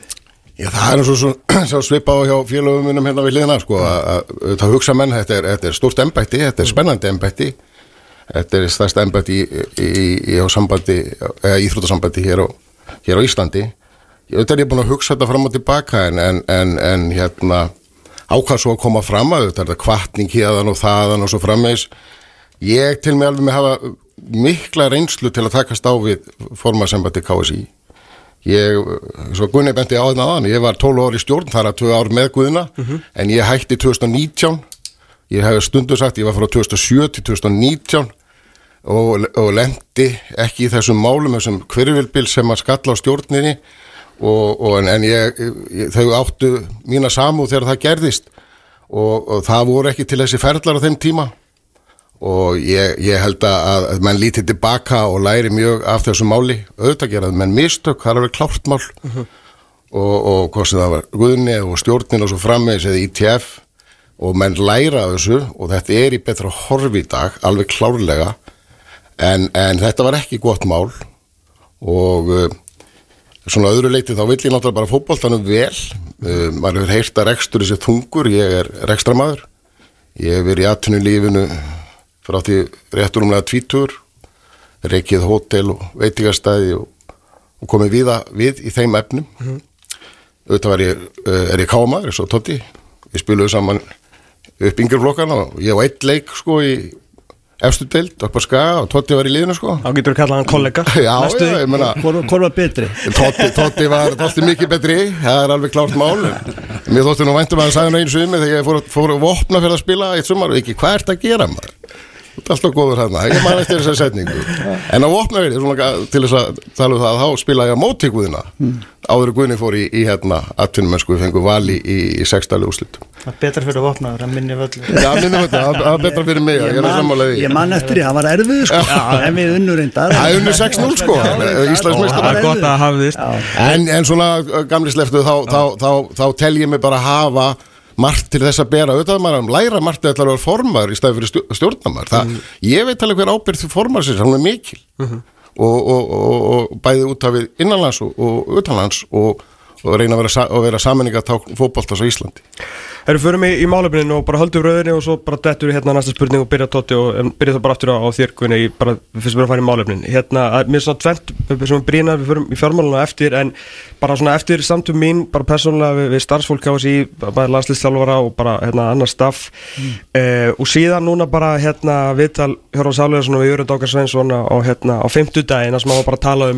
að heim og gema um, um fótboltan og mm. þeim kostum og mögulega hérna, ókostum getur, hann eiginlega getur ekki logið sko, hann er mjög bara ber hjartað á verminni og það fer ekkit á millimála að KSI að- þetta er vissulega gildislaðin spurning en ég er búin að vera það lengi í þessu ég held ég get alveg fullir þetta KSI, ITF, þetta samband er í mólum eins og staðan er akkurat nú hvernig ætlað þú að reyna að saman þetta? Já, já, það er miður og kannski, þú veist að að ég kannski aðeins bara að koma inn á það líka einmitt eftir þetta sem að eftir þann tíma sem ég átti þarna fjóru og hálft á sem forma, er náttúrulega gríðarlega mikil reynsla sem að færa því og, og fyrir utan bara minn bakgrunn úr, úr fótboltanum og stjórnun og, og, og sem lögmaði þannig að þannig að maður telur sig að virkilega gott erindi og ennþá meira núna eftir þessa reynslu og þennan tíma sem er mikilvægt með, með, með þekkingu og reynslu og, og, og framsækni. Og, og þetta er auðvitað eitt af þessum málum sem þarf að takast á við. Bæði, við höfum verið að minnast á reksturinn hann var þungur á síðast ári. Við veitum ekki alveg tölurnar en maður hefur svona heyrt áraðanlega heimildum þetta gæti numið einhverjum 100 tapi upp á milljónum. 100 miljónum eitthvað svo leiðis en við erum þá líka að geta þess árið þar og undan var hagnar upp á 157 miljónir þannig að það eru stundum aldrei sveiflur í þessu. Og en við þurfum tvímalust að, að rýna það hvernig erum við með reksturinn, hvað þurfum við að gera og svo framvegis. Og, og, og varðandi þetta eins og með jöra, það eru góða frétti varðandi og ég er mjög ánað með það. Við, við settum að fót í, í minni formastíð knasputnu svið og núna er Jörundur Áki Sveinsson yfirmaður þar. Og það eru góða fréttar að við erum að fá styrk frá FIFA með, með þrjú stöðugildi inn í það til þess að ebla það svið allavega til eins ás og, og uh, á, á sviði leikreiningar hugafastþjálfun og, og ástandstjálfun þannig að það sýnir sér bara hvað var mikilvægt að stopna þetta knaspunnsvið og núna er þetta auðvitað eins og rekstarlega og fóboltinn sem við höfum alltaf verið með í farubroti hvernig káis í þjóna félagunum vinnur síðan með sín landslið náum árangur þar og svo framvegis. Og, og þetta varandi samskiptin og, og sem maður hefur heyrt eh, utan að eh, frá sér að þau hafa ekki verið með góðum hætti. Og mér þykir þetta ríkilega miður, ég maður við erum bara ein reyfing, við erum ekki tvær reyfingar, við erum ein reyfing, knaspinu reyfing, við erum með knaspinu samband, svo erum við með hagsmunu samtök og það stæst og mikilvægast af því er ITF, mestu samskiptin, það eru tvær efstu deildir kalla og kvenna. Og ég held í rauninu, sko, þetta var ekki vandamál, það var fyrsta árið eftir ég tók við, það var aðeins verið að takast á um hvernig reglverki þetta vera og milli hvort er þetta að hafa manni stjórn og fleira og eitt og annað og síðan voru samtöki stækkuð í tvær eftir deildinar.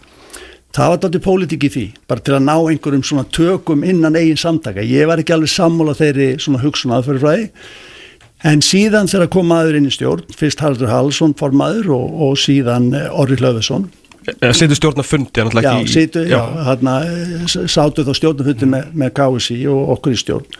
Svo Jón Rúna náttúrulega sem, sem Já, núna nýveri, ég hef aldrei verið inn á stjórnarfundi með honum, þannig að þarna, en eins og segi, þetta var ekkert mál, af því að við erum öll þetta í sama líði að sjálfsög að vinna samilum hagsmunum. Ertu þá hlindu því að ITF sé með mann innan stjórnar? Já, ég skil það alveg, því þetta er að, að, að ellendir fyrirmynd líka og ég meina við erum í umbóðu þessa félaga, þau eru með rúmlega 60% af atkvæðavægin og allt þetta og við náttúrulega höfum ekkert að félaga, við viljum þetta bara vinna vel saman, eða það segja KSI, ég segi alltaf við og, og, og þannig átt að vera.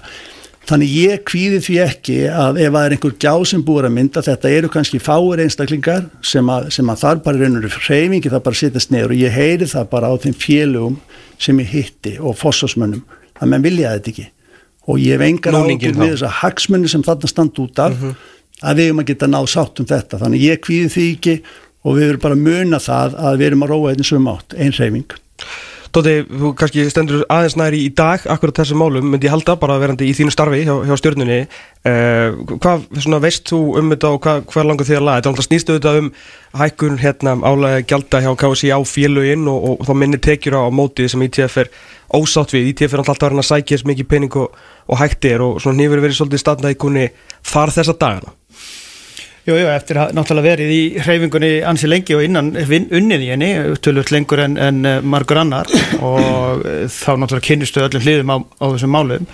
Og ITF er hagsmunafjölu fyrir eftirdildina tvær og hvenna og kalla með og það er margt komið gott í, úr hérna ITF og bætti hérna við, við erum með ímsa góða hluti frá þeim. Og sambandið er, hefur svona verið með landsliðs eh, geira meira á sínu kannun e, það er alveg rétt að það er kannski ekki allir að siglu sem átt einstæðan í dag en það er alveg klárt mál að við þurfum að fara með þessar tvo póla, eins og maður segir, mm -hmm. ITF og knastmennsamandið í sömu átt. Og ég held að sé hugur og vilji hjá báðum aðlum uh, innan sambandsins og hjá ITF þetta eru mjög mikilvæg samtök hvað var að við ætlum að líka auka deildin og gera hann enn betri þetta snýst líka um að vinna saman. Við erum með landslið úlingalandslið, aðalandsliðin og þessi úlingalandslið leikmenn, hvern og kallamenn þeir koma náttúrulega úr félónum og félónum vil all hafa fyrir því. Og við eins og bentir á Jörgund Áka tala um gæra, við erum alltaf að reyna að fá betri og betri að, aðstöð fyrir úlingalandsliðin, það er að segja fleiri leiki betri umgjör, fleiri fólk í kringum það auka kostnæður þarlegandi, þannig með þau náttúrulega huga því hverju sinni og það er eins og það koma góð ár og það koma ár sem er erfitt og þá þurfum við að snýða sér stakka til vexti hvað það var þar og þá við um svo sem alla landsliðin yngri og eldri. Saman má segja um fjölu en þegar náttúrulega er erfitt á hjá sambandinu þá segir sjálft að það er svolítið erfitt hjá félagum líka. Þannig að það er ekki alltaf góður rekstur. Þannig að aðal áhugjefni hvers einasta félags á landinu, hvort sem sé á stóreikjækusvæðinu eða út á landi það er reksturinn. Og það er mest áhugjefni og það, við, það er það sem allir eru að berjast við. Uh -huh. Það eru ímis verri aðstæði fyrir kannski félag út á landi þar sem að rekstur þeirra snýst mikið um kannski 30-40% árið núna um ferðarkostnað mm -hmm. og ferðarkostnaður náttúrulega er, finnst þeim blóðpenningur alveg klárlega, það fer mikið hluti í það. Og það segir sér allt, það er alltaf hækka og erfitt að lofa og breyta því. Það er eitthvað sem menn þurfa að ræða og sýta sniður og það eru félögin þá og þá ekki bara sambandið, heldur hreyfingin sem þarf aðeins að skoða þau mál og fá rött frá landsbygðinni Ég held að ITF er líka, við horfum bara líka á félögin núna hvernig deildina breytast, við erum að lengja deildina, það er margt í gangi, við erum að, við erum að lengja hana báða enda og þar að leiðandi þurfum við að hafa samtök eða innanlandsdeild sem væri þá vantala starfandi miklu nær sambandinu, að því við erum átt okkur í ITF þarf að starfa náttúrulega með öllum sem starfum að knastmjöðsamöndin við erum með Birki sem sér um mótamálin. Hann er að gera og raða það niður í samræmi við þá starfsmenn ITF við erum með mannin svo sem er Hafstein sem séum við all félagskipti. Þetta er all hluti af innanlandsdeildinni okkar og þá blandast það líka í ETF við erum líka með Gulli sem hjálpa líka til leið, við erum með dómaramál. Þetta allt þarf að vinna saman. Þannig við getum ekki farið í syngur áttina það segir sér sjálf Þannig að þú ert lindu því að þessi ITF maður inn í, inn í stjórnarni Í, mér finnst það að gott mál að ræða þar og hafa hann inni að því að menn geti rætt á heilbreyðu nótum. En það snýst alltaf um að menn séu á tali saman á heilbreyðu nótum og eru í góðu samskiptum við það. Og ég held að það sé eitthvað sem að menn verður bara að setjast niður og tala saman og, og leiði rétt á. Og ég held að það sé ekkert frá mínum bæðir sé ekkert vandamál að gera það. Það eru allir með það að huga að félagsliðin og það er hagur allra. En þetta er svo virðist það svolítið núleikur um bara að þú veist Já, það er rétt orðið. la, landslið versus hvað að fara í félögin. F- Förum aðeins yfir til þín vignir, bara á sama máli. Hérna ITF, KSI, bara samstarf og, og sundrung. Þetta snýst einmitt um samstarf, samvinnu því að við erum eitt. ITF eru vissulega hagsmunasamtök uh, tvekja ástu deild að kalla hvenna þegar, þegar þetta kom upp á sínum tíma þá, þá var átt þetta að vera bara fyrir efstu deildirna sko, tvær kalla, hvenna, eða sérst, kalla og hvenna svo, og svo bættist lengju deildirna við og gott og vel, þetta er stór hluta reyningunni, 70-80% af viðkvæmdum félagslegana eru þetta eða, sérst, á, á landinu. Þannig að ég, ég tel ekkert óeðlegt við þetta, þetta snýst oft um uh, leikandur og personur og þetta snýst um samskipti og, og, og samvinn og, og að, að uh, sko, ég var í mitt í, þetta var síðast árið mitt í stjórni 2019 þegar þetta var samtitt hjá ástingi að, að fulltrú eða formaður ITF sæti og væri stjórnamaður í raun og veru knaspunnsamansir uh, þetta var, var hugsað til þess að tengja betur saman uh, þetta efstalag og, og, og, og, sambandið og græsótina og allt saman. Þannig að sambandið þetta myndi hanga betur saman eða meiri samvinna. Ég vil nú segja náttúrulega alveg svo er að, að í, í þessum hörmungu sem gengur hérna yfir svo 2021 að þá, þá klikka þetta samband skilur Þa, það, það er alveg ljóst að, að, að ITF fulltrúin var líka henni að stjórna hundi KSI og, og hinnum megin líka. Þa, það er alveg ljóst, það gerðist eitthvað, það sem var ekki gott. Þetta, þetta má, veist, við verðum að ræða þetta við stjórnaborðið og, og, og vinna í söm átt, það er alveg ljóst til dæmis sem ITF að þeir hafa auki vergildi knastbunduna fyrir Íslensk félagslið það er alveg klárt mál. ITF veldi núna 460 miljónum og það, það, það er tvöföldun og meira í sjóastekjur og betting og svo framvegis. Þannig að það er margt gott að gerast hjá ITF en aftur á móti er knastbundu sambandi Íslands stofnunin yfir, yfir allan fótboltan á Íslandi. Og það, það, það er bara mikilvægt að muna það. Og við verðum að vinna saman og eiga samtal, eiga, eiga þessi samskipti um, um þessi mál. Og það, það er ómulegt eins og þetta er svona múin að vera aðeins núna aðeins, við vorum að tala um núning að menn komið fram á hvori hliðinu sem er út af við. Það, það er ekki gott fyrir okkar knaspunar hefingu, það er alveg ljóst. Ég ætla aðeins að tala líka eins og, eins og um þetta sem gerðist þetta um árið þegar veist, ITF gætt gert betur, KSI vantilega líka.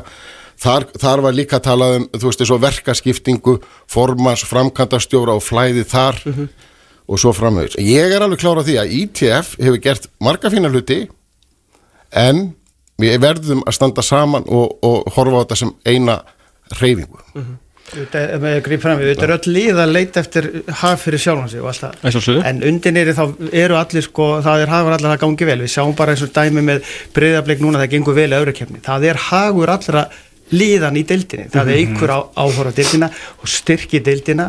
Leikminn verða verðmættari fyrir viki við fáum meira áhorf erlendis frá. Við höfum lengt deildina, það er auðvöldur að selja fleiri leiki. En við þurfum alltaf að endur skoða hvern einasta hluti í deildinu og betur og þannig að segja, við þurfum samt að vera saman og, og vinna á í rétta átt. Og ég held að það sé allir sammálaði að maður þarf bara að koma niður og tala saman. Ég held að það sé réttu menni sem geta leitt þá bara, það snýst um person sem getur leitt hann. En sko, þegar, með spurning til þingunni, þú náttúrulega varst í, svona, náttúrulega í brunni þegar þetta, þeir eru að koma upp sko, og náttúrulega þetta var það verður bara að segjast þess að þeir gerðu og ég sagði þetta við á persónulega, þeir eru ekkert að fara fúlur út um mig núna sko, þeir náttúrulega gerðu nánast ekki neitt á fyrsta árunum sínum, þeir voru bara byggjið sér samtök. Og svo verður þetta- bara gott í þinni stjórnantíð, þá mm. bara verður að segjast alveg svo er að þeir, hérna, þú sérst svona, af, eða þið ásakið, mm náttúrulega afhendið þeim svolítið liklana, þeir gera vel eins og, og hérna, Vignir bendir á, svo einhvern veginn bara við, og, hérna, við minnsta núning sko, að þá, mm. er þetta ekki óþarlega brotætt? Ég það á ekki að eh, þurfa að vera það, ég nú, þarna veldur sá er á heldur Jú, jú. Og, og það verður bara að vera þannig, þannig að vera að treysta því að, að í sjálfu sér, þetta er bara undir okkur komið, þeim stjórnundum á hverjum tíma að vinna vel með þessi ábyrra hlutök sem við erum í. Og ef við bara eins og vorum að ræða um sko, þetta gríðilega starfu þetta innan KSI sem er auðvitað þessi megin stóð íslenska fótboltan svona á stjórnunarlevel að, að þú veist, ég menn það er verið að skipulegja 8000 leiki sem dæmi, það eru 5000 dómarastörf, 3000 félagskipti og allt er þetta inn á KSI síðan erum við með, með fræslusviðið við erum með hæsta hlutall mentara þjálfar í heimi e, við erum að ná frábærum árangri með yngri landsliðin U19 kall og kvenna sem að þarna komum spæði í úslættikefni það er bara tvær Evropu þjóði sem að státa því. Þarna spánverar er hinn þjóðin og við, við, við sláum út einlendinga þannig að það er svo margt gott sem er verið að gera og allt byggis þetta sjálfsögð og starfi aðaldafélagana, þannig að fáum við leikmennin okkar. Svo tekur KSI við þeim á segja í gegnum hæfileika mótun og í gegnum, gegnum landsliðin og ég held að við verðum bara að byrja gæfu til þess að átt okkur á því að, að við vinnum þetta saman og í mínum huga þegar að ITF sótti það hart að fá þessi markasmál, ég sagði bara herðu bara ekki málið, við bara styðjum við ykkur, við erum hérna með mann með okkur hérna inn á KSI og annan ellendan umbóðsmann sem hefur mikla reynslu og við unnum hlið við hlið til að ná sem bestum samningum. Við höfum verið með sex ára gamla samning sem að forverið minn hafi, hafi gert og, og síðan áðust bara ágætisti árangur með nýja samningi, þannig að þetta var, þetta var sko, gamli samning var orðin gamall og það var komið meiri veðmálur og fleira, þannig að við fengum eðlilega góða hækkun, var mjög vel. Já, já. Þannig að málið er, við þurfum bara, við sjáum fyrirmyndnar út í heimi og, og við þurfum bara í okkar litla samfélagi átt okkur hvernig best að gera þetta. Það held ég að sé ekki til gæfu að fara að skapa einhver svona mini-KSI með einhverju svona milliskristofi. Við erum að vera að nýta samlegar áhrif mögulega í markasmálum og við eigum einmitt að, að, að meta hvort annað í þessu hvað hlutverkin eru mikilvægt. Ég er mjög ánað með til dæmis bestu delta konceptið, hvernig það er e, e, sko í minni stjórnandi þá byrjum við á því að rýna mótamálunum, breytum mótamálunum sko á endanum þetta stutt eftir að ég var farin og, og svo framvegs og þannig á þetta virka. Og, og þannig að ég held að þetta er bara spurningum að við áttum okkur á því að sjálfsögur við ekki í samkeppni, við erum bara í þessu, í þessu saman og ég fyrir mínan parta hef engar ágjörð því að við náum ekki saman því það er bara svo auglust og það er svo mikill vilji félagana og fósforsmenn begja megin verður bara átt að segja á því. Þannig að núna er þetta bara verkefnið og, og við tölum bara að vera að tala um kostnáð og fleira. Hann hefur aðeins aukist hlutastlega vanandi dómara kostnáð og fleira. En samt er verið að, að e, setja gjald á efstu deildaliðin bestu, í bestu deildinni kalla upp á, á síðast ári upp á 200.000 krónur á lið en leikurinn kostar 350 skall hver leikur og það eru það byrjum 5 miljónir sko per lið dómarakostnaður yfir tímabilið og KSI semst er að taka á 200 krónur í gjald og eitthvað svo leys og nú hækkar það aðeins.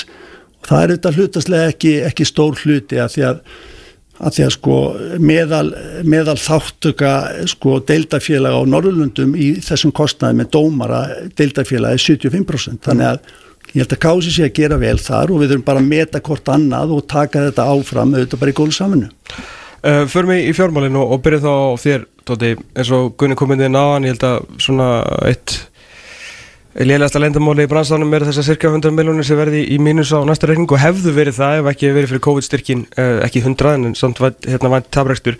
Hva, hver er svona, eftir að þú vantalega skoða þetta, helsta ástæði fyrir þessu? Er, er skrifstofnum að blása út? Er þetta landsliðin? Auðvitað náttúrulega að kosta dómar og allt það. Hvað hérna, er kostnæðurinn og hvað ætlað þú að reyna að gera til þess að minga kostnæðin eða og eða auka tekjurnar?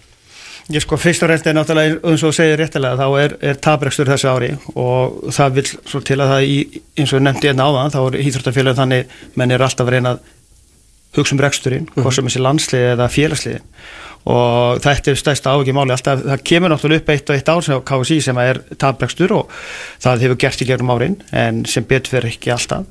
Það er verkefnin sem að hrannast upp hvað var úlingalandslið og annað þegar gengur vel þá eru fleiri verkefni og það segir sjálft að stundum erum en það er fljótt að auka til hérna kostnari við verkefni þegar þú ert að fara fyrir verkefnin.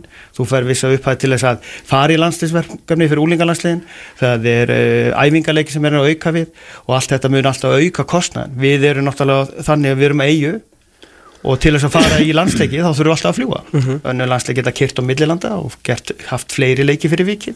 Við þurfum alltaf að fljúa eitt flug að tvö flug og þá er alltaf auka kostnað fljótur að koma. Það segir sér alltaf að auka kostnaðin við þessi verkefni hann hefur hækkað aðeins og menn hafa ekki alveg reikna rétt fyrirfram. Það segir sér líka að það var breytt með landsliðþjálfara það kostar sitt, það er ekkit fyrirlegur því þú lætur eitt fara og annar kemur inn. Það er auka kostnaður þannig að það er, það er menn svona hafa fljótt að koma upp og hundrað og miljónir mínus er, er hátala. Það er of hátala fyrir okkur til að gera á hverju ári. Það getur komið fyrir einu, einu sinni en ekki, það er ekki hægt að hafa á hverju ári. Þannig að til þess að skoða hvern einasta það þarf að draga saman og það þarf að snýða þessi stakka þetta vexti hvert eina skipti. Og það alveg frá öllum úlingalanslöfum alveg upp og ég held að allir séu meðvitað um það Er þú það að þú myndir fyrsta sem myndir gera var að skoða þessast kostna við yngri landslið kostnað sem allra landsliða. Allra landslið Já, það lítur þurfa að gera það. Og allra rekstur á öllu innandira það er ekki að segja að KSI er ekki stórt apparat, það er ekki að segja eins og að er hérna þetta er lítið samband með við mörg önnur sem við miðum okkur á Skandinavi þannig að það er, það er ekki eins og við getum alltaf bara, það að segja fólki upp, það er ekki endilega lausnin öllu en það þarf náttúrulega sjálfsögð að skoða allan kostnæðin síðan er náttúrulega góð, gott í ári ef menn eiga pening þá viljum við náttúrulega fara í sér flest verkefni. Það, það vilja allir gera það. En við verðum stundum bara að vera hreinskilin og segja herðu, við verðum aðeins að hérna, skoða hvern einasta lið í því að spara þarna niður. Annars erum við að fá 100 miljonar hverju ári. Ég er ekki að segja ef við að leggja niður úlingalandslið eða leggja niður eitthvað eitt og eitt landslið. Við með verðum stundum að velja okkur verkefni það árið Mm. sem er. Já. Það er líka þannig að þegar gengur vel þá kostar að vera það og það hefur gengið vel.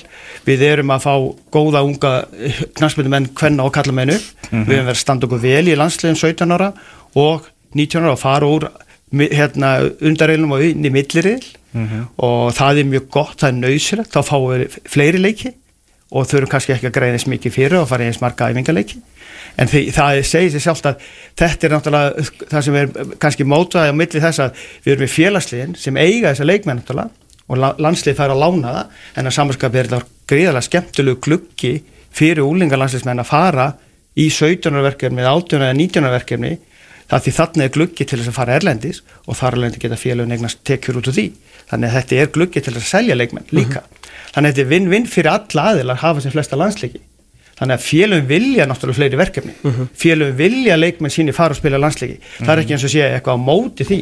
Og þau gerir svolítið grein fyrir að kostar en eins og segir, við verðum samt að reka sambandi réttu megin. Vignir, uh, hvað segir þú? Hvað er hérna, hvað er þú að skera niður? Já, ég ég, kemur þá síðastur inn í þessu umræðu þannig skilur það, þú veist, auðvitað er það þannig að þegar knarsbundur saman Íslands tapar 100 miljónum, Mhm. jafnvel meira á einu ári þá þarf virkilega að anda með nefn og, og, og skoða alla hluti. Það er alveg ljóst, það er óásættalegt það er ekki nóg með það, heldur að í raun og veru þó að ásækningu 22 hafi, hafi, hafi skilað afgangi en það var fyrst og verið stútt að tekjum sjóvarstekjum frá HM 2018 að það, þannig að sko óveðu skíð hefur aðeins komið hrannast upp uh, síðustu ár.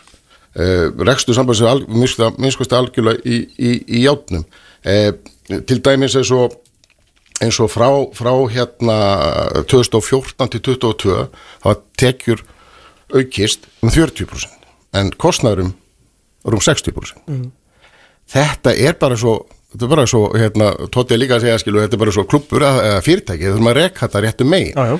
og þá þarf til líka að skoða alla hluti. Auðvitað viljum við meiri tekjur og geta gert meira. En við þurfum líka að horfa í eigin barm hvar og sniðu okkur stakk eftir vexti, Þa, það er alveg ljóst ég er búin að setja, ég satt í landslýstnefnd uh, undir 21 árs frá 2003 til 2019 ég hef verið formáður í, hérna yngri landslýðana 17 og 19 á sínum tíma. Ég, ég var alltaf auðvitað að berjast fyrir frey leikjum. Auðvitað viljum við fleiri leiki. En þetta verður að vera balans í því að, að hérna, hvað við höfum efná horrið hver einasti leikur sem við ætlum að fara í æfingarleik hann kostar okkur miklu meira heldur danina sem að renna yfir til Þýskalar fara svo heim og sofa stiftur á milli. Að- aðeins þetta á milli. Við, það er mikill metnaður hjá, hjá hérna KSI hjá Jöra og Kó mjög mikil og það er, er alltaf erfitt að halda í hann. Þetta er eins og þú, ert, þú, ert, þú, þú sittur í stjórn eða með framkvæmdarstjóra eða einhvern sem er bara rosa metnaðvöldur mm. bara, en bara, þú mátt bara ekki eigða um efni fram.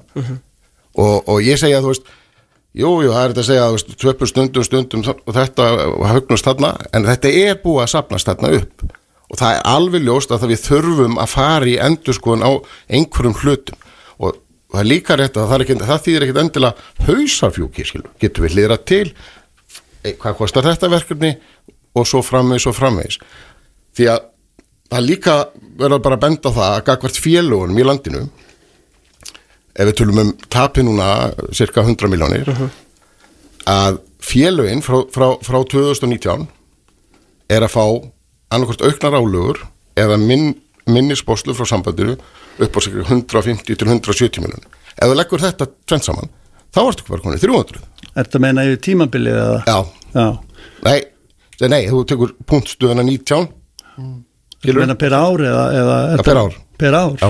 En ertu þá ekki gera ráð fyrir þá sjónastekjunum sem að fæst yfir? Markastekjunum? Það ekki? nei, Náttúrulega kostnarin við, fyrir félagin hefur aukist núna kannski eins og segir og við Já. tölum um dómarakostnar Akkúrat. sem er náttúrulega var alltaf á félagunum það er alveg auðvitað fyrir, svo eftir hrun þá, þá var það á- löngu síðan. Nei, nei, það var 2008 sem- 2008 Já, það er sem það. breytist þá eftir 2008 því að félagin lendi á hruninu og þeir eru nú reynslu af því sem stjórnandi fram þá. Ég betur nokkur annar þeir sem voru með FL Group og fleiri góða styrktaraðala og mánudeginum okkar ágæta sem við vorum með það var lítið eftir í, í byttin okkar.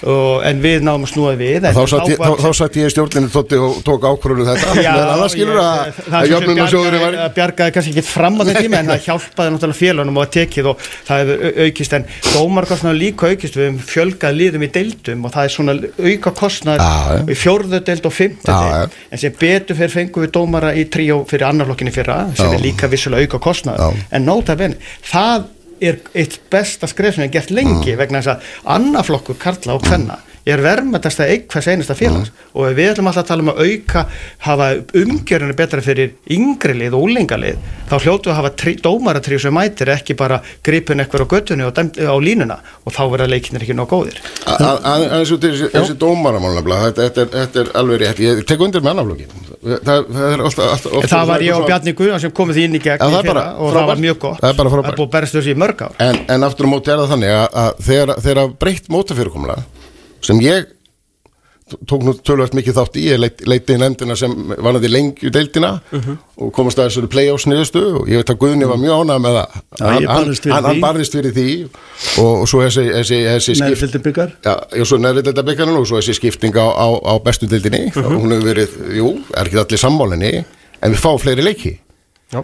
Eh, Þetta mótafyrirkomlag því er 124 auka leikir á Íslandi Þa, Þetta kostar núna, sambandi er að borga þetta allt saman, þetta kostar um 20 miljónir Svo svo en- Chili, þú veist Mhm. það er lengi, lengi mótið og náttúrulega fer fyrir lengi til að selja og allt það en, en, En, nei, menna, þú veist, já, mótið það er alltaf að velta þessu klárlega. þarf að taka samvinnuna og tala saman? Og þá má náttúrulega velta fyrir sig líka eins og segir með úsleikjarna hvort hún sé í úsleikjarna hvort sé að skila hagnað ekki að því að efstu lið í efri hlutanum eins og við sjáum Viking fá tölvöst aukningu áhörendum Akkurat. neðri hlutanum sér það ekki aukningu þetta er nei. nema kostna fyrir vestmann eða káa þetta er svona veldur að hvað er hver að fá Já, En- en, en- en þetta, þetta snýst líka fyrir ekki, sko, ekki bara um aðsúkna á völlin Nei, nei. Þetta snýst um uh, betting og sjóarp og, og fleiri leikir gefa meiri penning klárlega en, en, en, en hérna fá eins að skjóti norð og ská hérna fyrir norðamönnunum Mhm. mm -hmm. geti aðeins og, og hérna sko varðandi rekstunni, ég dreif þess að tölur í efa hérna e, Viki, Ok, ég, ok. að, að þetta sé þetta mikið per ár sko KSI hefur verið að, að, að borga út styrki svona byrjun 120 til 150 miljónum per ár eftir svona hvernig Já. viðrar í rekstri Já. Þannig ég fæ ekki hvernig þetta getur staðist þessi tala, ég held að sjónvarspinningarnir og markasendir sem hafa flust yfir að því áður fyrir var það þannig að KSI í raun og veru gerði þennan samning á sín tíma, Sjónvarsamningi já sjónvarsamning tók við peningnum og bara rúlaði hann síðan bara greitti beint í gegn yfir til félagana. Einmitt. og það var reikningu fyrir því. KSI var þá samt borgaði velunum fyrir úr, úr þá einn sjóum og svo framvegst, þannig að ég dreg, dreg þessa tölum mjög efa. Og málið er að við höfum eins og bara með landsleikostnæðin að, að e, ég fór nú yfir þetta og, og velta sambandsi þegar ég tók við eh, 2017 og síðan frá e, til 2023 hefur aukist eitthvað um, um 34% og, og, og málið er að, að sko landslískostnan yfir þetta tímabil fyrir utan þessi stórmótar ár hefur verið á þessu bíli 46 til 9% einhvers svolítið að veldu og það hefur bara haldið sér en það er alveg satt, við erum í smá vandræðum út af því að ferðarkostnaður eru aukist og fleira. Við erum að spila 100 landsleiki ári og, og flesta elendis og það eru þetta mjög dýrt og við erum að fara yfir þetta forgangsa, sammála því líta á mannahaldið. Ég hef aldrei orðið varðið það það sé sérstaklega mikið verið að ráða svona bara gamli síni það niður frá það har alltaf verið haldið vel á því og, og, en allt verður að, að rýna hvað það varðar en við þurfum að passa þetta að, að þráttur allt eru við að spila helmingi færri úlingarlandsleiki en nákvæmlega þjóður okkar. Og það er vandamál. Og núna er komið svo staða að við verðum að einenda okkur í það að ræði við stjórnvöld og ræði við ISI að við verðum að fá úr afræksjóði það, það gengur ekki lengur að við séum skilin út undan eins og undafarin ár mörg ár það er bara sangiðismáli við fáum það. Og varðandi gjaldalíðin Þú, þú varst ekki alltaf sammála þessu. Jú, sko, Þú sóttir ekki um einu sinni þegar þú varst formaður 2017 sko ég við sóttum alltaf um en máli var, máli var það var einu sinni þegar við vorum 2018 Mm, Ég var, stjórn, ég, ég, ég var á móti þessu hjá þegar þú, Já. þú vildir ekki sækjum að- vildir ekki sækjum við vorum að fá við vorum að fá, byttu við Já. við vorum, klára, við vorum að fá velunum fyrir háum velunum fyrir og, og okkur var sagt, heyrðu, þið eru ekki að fara að fá þetta. Okkur er sagt, við lótum til að sækja um samt skilur. Heyrðu, sko við vorum að fá velunum fyrir HM. Já, já. og það er sagt, það er búið að breyta reglunum sagt, heyrðu, þið munu ekki fára þessum sjóði. Mm. við þess að herðu, ok, við skulum bara vera flottaði við skulum ekki sækja um þetta árið að því við erum að fá velunum fyrir HM. Og það var sanginsmál en eftir það alltaf sóttum Já, ég, Eins og ég, þið ég, allir ég, til að- ég, ég var bara að hýsa sér stjórnarmæður KSI að því ég veit að ég var á móti þér í þessu máli að- Hvernig var þetta nú? Sótti ég- ekki um ef það verið bara látið vita að þeir Já, nú er Það líka gert. reg- Reglurnar breyttust Já, já. 2017 ekki? Það er var í kringum út á 2016 og svo herðu fótboltinn meðan hann er að fá þetta mikið Já, hann getur ekki verið að fá Já, og það var ákveðið sanginsmál þannig að við þurfum En nú þarf að snúa sig við. að, að leiðri þetta kúsin þar og líka bara ég ættir samninga gerð og fleira. Varandi núna til dæmis er, er, er búningasamningurinn við erum að fara að endursemja við Puma eða einhvað annað, Mhm. annað fyrirtæki við erum að halda spurning þar auðvitað að reyna að, að auka tekjunur okkar. Við erum með svona ákveðna eh, svona ákveðna möguleika þar en þeir eru ekkit rosalega miklir og auðvitað síðan að líta á gjaldaliðin við höfum til að spætt við undir 23 ára landsliði kvenna Sem var mjög mikið Já, sem var mjög mikilvægt og, og, og við viljum halda því áfram, við viljum spila eins marga úlíkalansleikir og við getum En- en þetta punktur. en þetta verður að vera jafnbægi og balans á. En hérna, til að svara þeim raun og veru með hérna, þetta yngri landslið að því að maður, maður heyri það alveg bara mjög augljóst og þetta er eitthvað sem að svona fórkólvar knastbytunar hér eru með svolítið á heilanum hvað Já. þetta kostar mikið. Uh, Allir eru sammála um að hérna, það þarf að spila fleiri leiki en samt þarf að spara. Þetta, virkar ekki þannig. Hvað hva, hérna, hvað getum við gert? Og hvað, hvað langar þið að gera í þessu? Ætlar þú að spara í yngri landsliðunum til að laga reikningin til lengri tíma, skemmri tíma eða ekki? Ég held að maður verði, sko, verður að vera með þetta tölöðu fyrir fram að sig og bara líta kostnæðin. Ég veit að það verður að líta þetta niður frá, hvort að ég bara fækka landsleikum og, og það er eitt kostur, bara almennt og yfir línun og svo frammeis. Það er þetta kostur að, að líta á skristofuhaldi og svo frammeis. Það er kostur á, á, á, á álögur og fleira og eitt og annað sem að hægt er að gera, bara í, bara í venjulegur ekstra umhverfi. Er bara. skrifstofan orðin og stór? Nei, það myndi ég ekki segja, en það verður að rýna auðvitað, eh, sko, þann þátt eins og annan þátt að hefur, stöðugildum hefur aðeins, eh, sko, fjölgað og, og eh, Skrifst að forma sem er alltaf stór með 80 ferma já, kannski sko rýna á mikið, það fundar þetta ekki líka, sko. En- tó- grípa fram í fyrir með landsliðin sko því að ég er alveg sammála við erum alltaf að tala um þetta að spila margnar ég hef reynsla, ég þjálfaði og vennaði mörg, mörg ár við úlingalandsliðin og við vorum talað sem þjálfar að berjast um alltaf meira, þetta var fyrsta að fá sjúkarþjálfar, læknir og allt þetta með og auðvitað eru allir þjálfar að berjast meira það gerir sér líka grein fyrir að það er að velja og hafna. En það má ekki gleyma að auðvitað eru landslið erlendir sem spila fleiri leiki. Þau eru spila á fleiri leikmönnum líka. Við höfum verið að spila meira koncentrera á sömu leikmönnum í gegnum kannski í tíðin og það er raunin oft kostu fyrir stærð landsins okkar að velja landslið, úlingalandslið, við erum fljóttar kannski að velja það. En það er að við getum ekki að gefa öllum eins mörg tækifæra við viljum en það, ekki, sko, það vilja allir sem eru við, viðlóðandi félagslið landsliðin og allt hafa fleiri leiki. En það er stundum ekkert hægt að fá því að langar í sko. það er bara þannig, því við, við erum á EU en við erum að gera virkilega vel og höfum gert það og bætt það en við verum líka að gera rétt.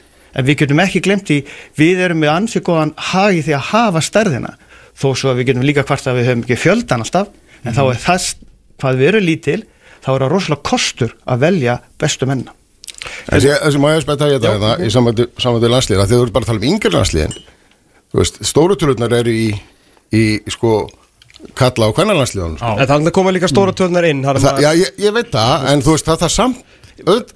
Skilur, ef, við ættum bara að flokka það bara kalla, að- kalla landsliði fengi bara alla tekjurnar þá getum við ekkert gert því að það, te, tekjurnar koma það Viltu Við- skera við- það niður þá eða? Nei, ég er að segja, þú veist, það þarf að, auðvitað þarf að skoða kostna þar, ég er ekki að segja að skera niður í, í, við spilum alla leiki sem við erum búið þær í, ekki satt? En, og, og æ, höfum farið ákveðna æfingarleiki í janúar og svo framvegis. Já, er sem eru að- mikilvæg, er hugsað Að sjálfsög, fyrir ég, félögin og, og og að þegar sjálfsög. sölu var og svo framvegis. Guðni, ég er ekki að tala um það, ég er bara að tala um almenna rekstur á landsliðan. Það þarf líka sko því að yngri landsliðin eru mikilvæg. Ég tek svo, ég, ég, ég, ég starfaði hann í kringum, ekki þjálfari en í kringum þetta.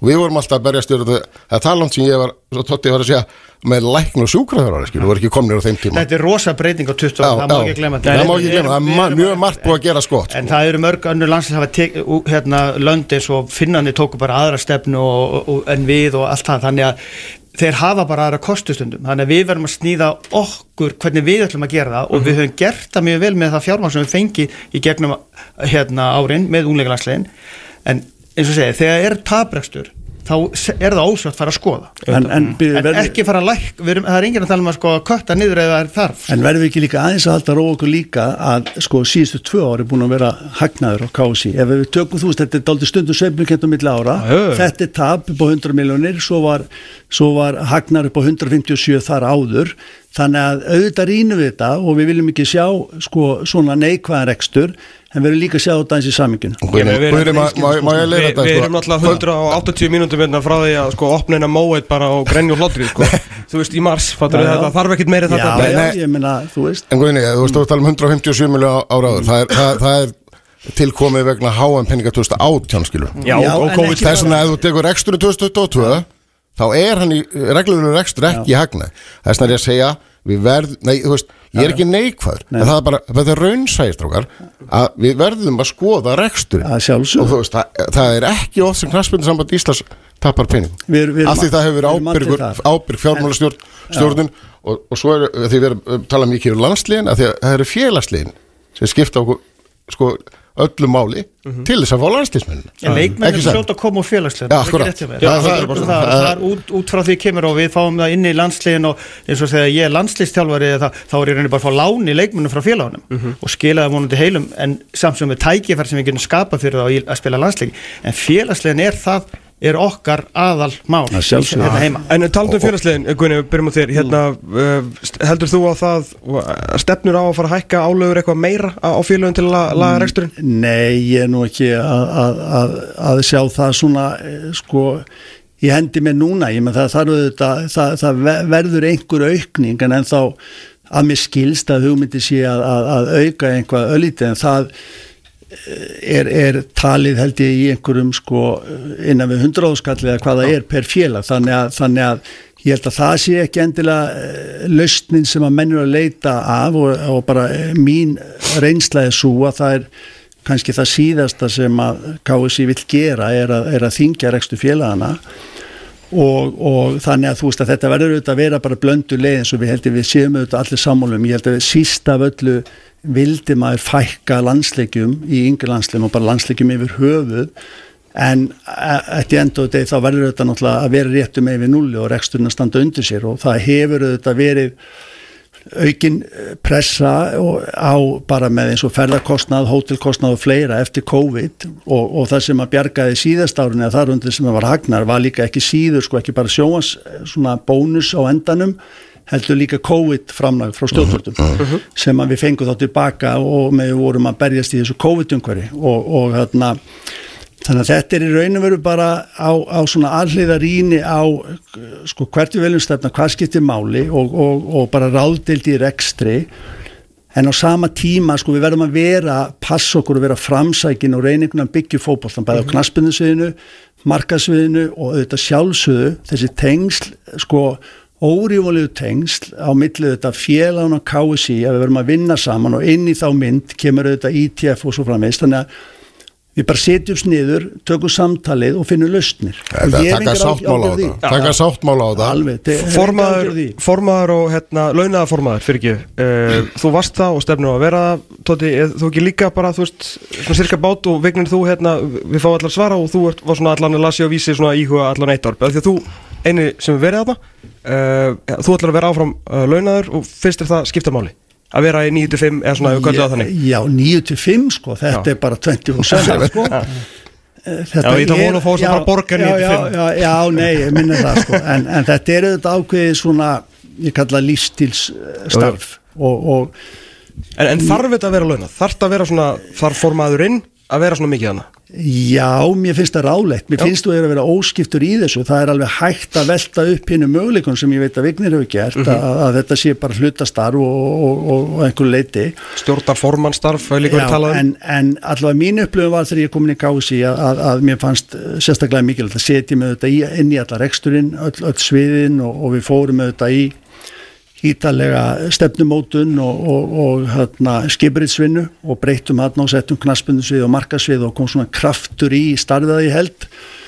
Og mikil tekjuaukning og ég fór í það í, í samningagerina og við, við stórbættum uh, samninga við bakkjarla og gerðum nýjan búningasamning og fleira. Þannig að Var þetta allt að þú varst launað starfmaður? Já, ég meina, þú veist, ég var bara óskiptur í þessu Já, og. Og, og, og ég meina, öll aðtekli mín var á þetta og mér finnst þetta verður þannig, maður er kjörin formaður Mhm. og fulltrúi og þetta er þekkt svona daldið í sko félagasamtökum og fleiru, þetta er svona daldið, heru, þú ert fulltrúi þessa aðildafélaga og þú ætlar að standa þig og þú ert með ábyrðina og þú ert bara til taks Mhm. og Jú, jú, hitt er kannski alveg hægt en ég til að sé ekki ráðilegt. Ég held að menn eigi að vera ólinn í þessu og, og sterkur formaður þarna, á svæðinu tilbúin líka að fara auðvitað alla þessar sko ferðir ellendis í hagsmunagæslu sem er mjög Já. mikilvægt. Við fáum meirlut að tekjur okkar ellendis frá Algjörlega. 70% af tekjum okkar ellendis frá og, og það er bara mjög mikilvægt. Þannig að það er svona mín sína á þetta að, að, að svona eigi þetta að vera og, og menn þurfa að gefa sér alla í þetta og, og gott betur og, og þannig virkir þetta best og þannig sé KSI hvað sterkast og, og, og þannig að ég held að fara best á því. Vignir, þú ert uh, hinum megin með þessa setningu sem ég las. Já, Svona allavega ég, ég ætla að byrja á því að segja Ég ætla að gefa mig allan í þetta sko. Já. Það er alveg klárt. Ekki bara borga það Nei, ekki bara. Ég hef uh, hort á En Fyrir það sem að lása ekki, hver er svona þín, þín ja, pæling? mér, mér, Mín sín er svo að, að, að forma knarspundarsambansins á að þykja laun. Uh, Spurningi hversu þau eru hversu há og hvers, í hvað hlutfalli. Uh Ég, ég er hreinskil með það að ef ég verð kosin formaður KSI eftir hálfa mánu að þá mun ég þykja laun að minnskost í ár jafnvel tvö meðan ég er að snú, reyna að þessu í þá átt í meira svona stjórnarformans embætti eða að vera, að verði embætti frekari starf í, í fullu starfi á skrifstofun ég eh, held að þetta sé hluta því að gera verkaskiptingu uh, skrifstofunar og verkaskiptingu formans stjórnar og, og framkvæmtastjóra skýrari. Hún er skrifuð þú veist, þetta er til að blaði hvernig hún á að vera en ég held að dæmin hafa sanna það að við þurfum að stíga þetta skref alveg. Ég hef verið stjórnaformaður í, í fyrirtækjum og ég stundum velt mér fyrir mig þegar maður satt, eh, hérna, við stjórnabarða KSI og, og hvort sem það var geira eða guðni að þeir báru upp málin og þeir þurftu líka að svara fyrir það í staði fyrir að framkvæmta stjóri svaraði meira skilur eða aðrir. Þetta er, þetta er, þetta er þessi, þessi, þessi valdaskipting, þetta er ekki nógu gott. Og ég er bara sannfærður um það að það er að gera þetta betur. Ég er ekki að segja að ég verð ekki á fulli málunum sko. Nei, nei, nei, nei, þetta veist- er alveg margir, er er, já, já, svo, svo er þetta bara uh, tvær aðferðir og, og hérna ég, eh, þetta, en fyrsta sinn 2007 þegar Geir býður sér fram sem er, er, er formar á fullu launum þú veist, og er, er í þessu þú veist, mætt hérna skrifstofuna á hvernig degi og svo framvegi, sko. Já. ég mun, ég býð á Akureyri ég ætla ekki að flytja frá, frá Akureyri ég, ég er með aðsettur hérna líka. Ég verði í Reykjavík eins og þurfa þykir á skrifstofunni algjörlega eins og þurfa þykir í góðu samstarfi við, lík, við, við líkil fólkið. En, en, en, en, en framkvæmtastjórin verður að vera hreitt og hafa völd Já, já. og, og, og hérna, til þess að framkvæma hlutin á þess að þurfa að bera alltaf undir formannin hvert einast sinn. Skilji Tóti, ertu, hvort meginn eftir því? Sko, ég er búin að velta þessu fyrir mig með, eins og segja með forman við, við skoðum bara sögun á forman alveg bara frá því ég, ég, ég spilaði fyrst, þá var LP Skram formaður. Og við vorum hérna nýri í ISI og þá var henni verið skrifstofustjóri og stakkað og ekkert eh, hérna kemur sem formaður inn á eftir honum. Fór í hérna kjörum átti honum Gilva á Akranesi og vann með okkur um smá mun en, en þó svo að Vigni segi bendir réttilega á að Geir kemur sinni kjölfari sem innan húsmaður og verður formaður og frankastjóri þannig að það var ekki E- ekki rétt, hann var var, já, Það var Já. og var svo sko, var formaður, já, en ég er að segja Eggert var rauninni sko svona fyrsti svona sem aktífu þó sem var ekki að laun og þá var svona fyrsti sem kom inn og fór að vinna og þá jógst þetta meira. Hann gerði fyrsta sjóasamningin og komið svo svona og þannig hann var fann að vinna miklu meira sem formaður heldur en kannski ellert undan. Þannig þetta er svona breyst og síðan koma Gunni og svo kvanda í kjölfari þannig að það eru mismætti formur sem hafa komið og hver eitt formaður, hver einn persón lítur að móta starfi kannski og breyta. Þannig það auðvitað eins og Vigni kannski réttilega verðin á hvert er hlutverk formans og það kannski veit er að að erlendis, hann með landsleismálin en hann lítur líka þurfa að vera með kontent á hreyfingun, hann þurfa að vita og þekkja hreyfingun á Íslandi og vita innan það er öll þau mál. Það eru félagslega sem skipta mestu máli. Formaðurinn er talsmaður félagan líka. Þannig að maður þarf að velta fyrir sér erum við með framkvæmstjóra og formann þeir verða að vinna saman og fjármálastjóri, þetta þarf að vera teimi Þa- það snýst ekkert með hérna, umræðin um stjórnaforman ég er alveg tilbúin að og finnst allt í lagi með ræðið og skoða á stjórnaformar að vera þá stjórnandi í öðru fyrirtæki. Hefur hann tíma, getur það fyrirtæki leift honum það? Og á þá stjórnaformar að vera launum eða á þá stjórnar menn að vera launum eða sem ég nefndum á launum. Þannig að erum við að spara eitthvað? Ekkert endilega, ég held að þessi hreyfing er það stór og í dag er mín sem skoðun að við þurfum að hafa formann í fullu starfi á launum hvað sem að sko, eins og veginn sem hvað skiptir launin er ekkert máli, ég er ágætt með launi á stjörnin þannig að ég hef ekki stað sem ég snýst um en ég segja já, ég segi það í dag að því við verðum, þetta er mikil vinna þetta er risa samband þetta er ekki bara landslýsmál, þetta eru félagsmál og allandi höldum áfram að ræða hitt og hvort það sé lausnin. Ég er ekki að það samfæra með það. Ég segi formaður er að vera fyrst starf í dag. Svo þegar þú talar um að sem er mjög mikilvægt náttúrulega, sem er náttúrulega að formaður og framkvæmtastjóri vinni vel saman. Og það verður að skipti náttúrulega líka hjá knastmyndursambandinu þar sem að klarar á leiðin út. Og ég ætla bara að spyrja ykkur hreint út, eru þið með í huga hvaða aðila þið viljið fá sem framkvæmtastjóra í sambandinu jafnvel búinir að tala við hann eitthvað eitthva bak við tjöldin, bara byrjum að þér Vignis Nei, það er ekki komið, það er ekki komið svo langt. Nei. Ég held að nú, hérna, umsóknarfrestur rennur úr 27. februar nokkur dögum, eftir þing. Eh, Ég eh, sko, þú veist framkvæmda stjóri Já. getur, þarf að vera getur ýmsu kostum. Hann þarf að vera góður í mannlegu samskiptum uh, að mínu þessar þe- núna á þessum tímapunkti mun, mun ég horfa til uh, reynslu í rekstri Já. og mentun gagvast rekstri mm. ekkert nafn í hausnum skilur við, maður sjá bara hverju sækjum ég er alveg vissum að sækja mjög margir hæfur um mm. Er þú með björn Dóti? Sko, ég samanlega, nú er nú búið hérna, þessi stjórn búin að auðlýsa starfið og ok, fínt mál og ég fagna því að það gerðu það þau allan að horfa þannig á sjá það fram á að það er ekki hægt að hafa sambandi án framgöstur á lengi. Klar er að fara eftir mörg ár og staði sér vel og það verður erfitt að fylla hennar störfa hún er búin að lengi mikla þekkingu og kunnáttu þegar fólk fer út. Já, svo er það með gluggan þannig að þegar nýr formaði kemur inn þá getur ennþá sótt Já, um framkvæmtastjóra klárlega, en, en auðvitað, það verður pottið mjög hæfilegaríkt fólk sem er að sækja um og ég byrð bara spenntur að sjá það lista ef ég verð komið sem formaður. Nei, ég er ekki með neinn öfni í huga sem er að koma og ekki velti neitt fyrir mig þannig, þannig að ég fagnaði að fullt af góðu fólki mun sækja um. Og það verður mjög erfitt að fara í gegnum það lista, alveg pottið. En það er eins og segir réttilega, við þurfum að fá rétta mannin sem vinnur með fólkinu og, og, en það má ekki gleyma að formaður er kosið segjara mm. framkvæmstur er ráðin og við erum með þennan fram, eða, síðasta framkvæmstur, hann er búin að hans lengi. Þannig að Eða hvað eru búin að sjö, sjö átt ári já, já, en starfa sambandinu já, og svo kannski vilja ekkur verið innandira og menn ho- horfðu síðast innandira með klöru og ráða þar en eins og segi, það er búið að auðlýsa býðum spennt og það er það margir hæfileikir ekki einstaklingar í samfélagin okkar sem munur pottið sækju Og þetta er fyrsta sinn, held ég, í sögu knastmyndusambansin sem að þetta starfi er auðlist. Já, sem er vel, en það er líka bara alvöru embætti Já, ég meina, íslensku ég, þjóðlífi, ég man bara eftir þegar, þegar hérna, Klara tók við að Þóri og- til bráðbyrða, sko, og var svo ráðin inn og, Já, en þá var mikil umræðum að, að auðlýsa starfið.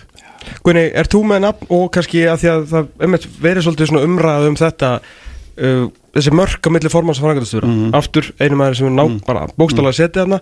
Hvað finnst þér um það? En byrjum á, á nafni er, er ykkur í vasanum Ég er með fullt af nöfnum. Fullt af nafnum já, nei, ég veit auðvitað að það er mikil áhig fyrir starfinu. Sefirinn er hætta jákvætt. hjá Júfa. Þetta er stórt og mikið, mikið starf og mikilvægt. Kannski mögulega mikilvægasta eh, starfið í bara íslenskri ég- og, og Þannig að og ég kvíði því ekki og hlakka bara til ef það kemur í, í minn garð að að fara yfir þennan lista og, og, og ráða framkvæmdastjóra, taka þátt í því og, og en eru nú skýri verkaskiptið þarna?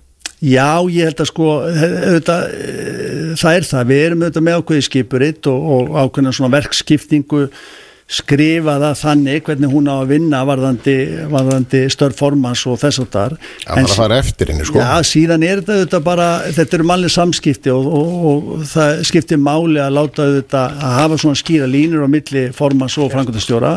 Og það var það á milli mín og klöru og í raun og veru við unnum, unnum bara náið sama með það þar sem að styrkleikar hvers annars voru að njóta sín og, og og auðvitað er þannig líka með formans embættið að, að, að þessi sko hagsmunagæsla bæði auðvitað fyrst og fremst inn, sko innanlands hvað stjórnvöldum er mjög mikilvæg og auðvitað öll þessi tengsl sko síðan að sjálfsögðu ertu alltaf sko í tengslu við aldarfélögin farandi á leiki og ræðandi við menn og, og, og að fylgjast með hvernig gangi hjá okkar aldarfélögum, það er auðvitað mikilvægasta. Þannig að, þannig að það er mörg hodna að líta í því en, en aftur er auðvitað það að að forman ber líka ábyrða á þessu gagvart UEFA og FIFA og og ég var til dæmis valinn í stefnumótunar hóp, fyrstu stefnumótu sem UEFA fór í uh, 2019, einn af fjórum formunum þar. Þannig ég kynntist mjög vel svona innanbúað þar, þarna þeim rekstri og það er mikilvægt að passa upp á hagsminu okkar auðvitað í, í svona stóra saminginu á þessu stóra sviði bara upp á hagsmunir eh, smarri þjóða eins og, eins og Íslands að, að, að við eh, að, að okkar hagsmun sé ekki fyrir borbornir og svo er auðvitað samband við Norðurlöndi mjög stert þannig að þetta er allt það sem að þarf að hafa í huga.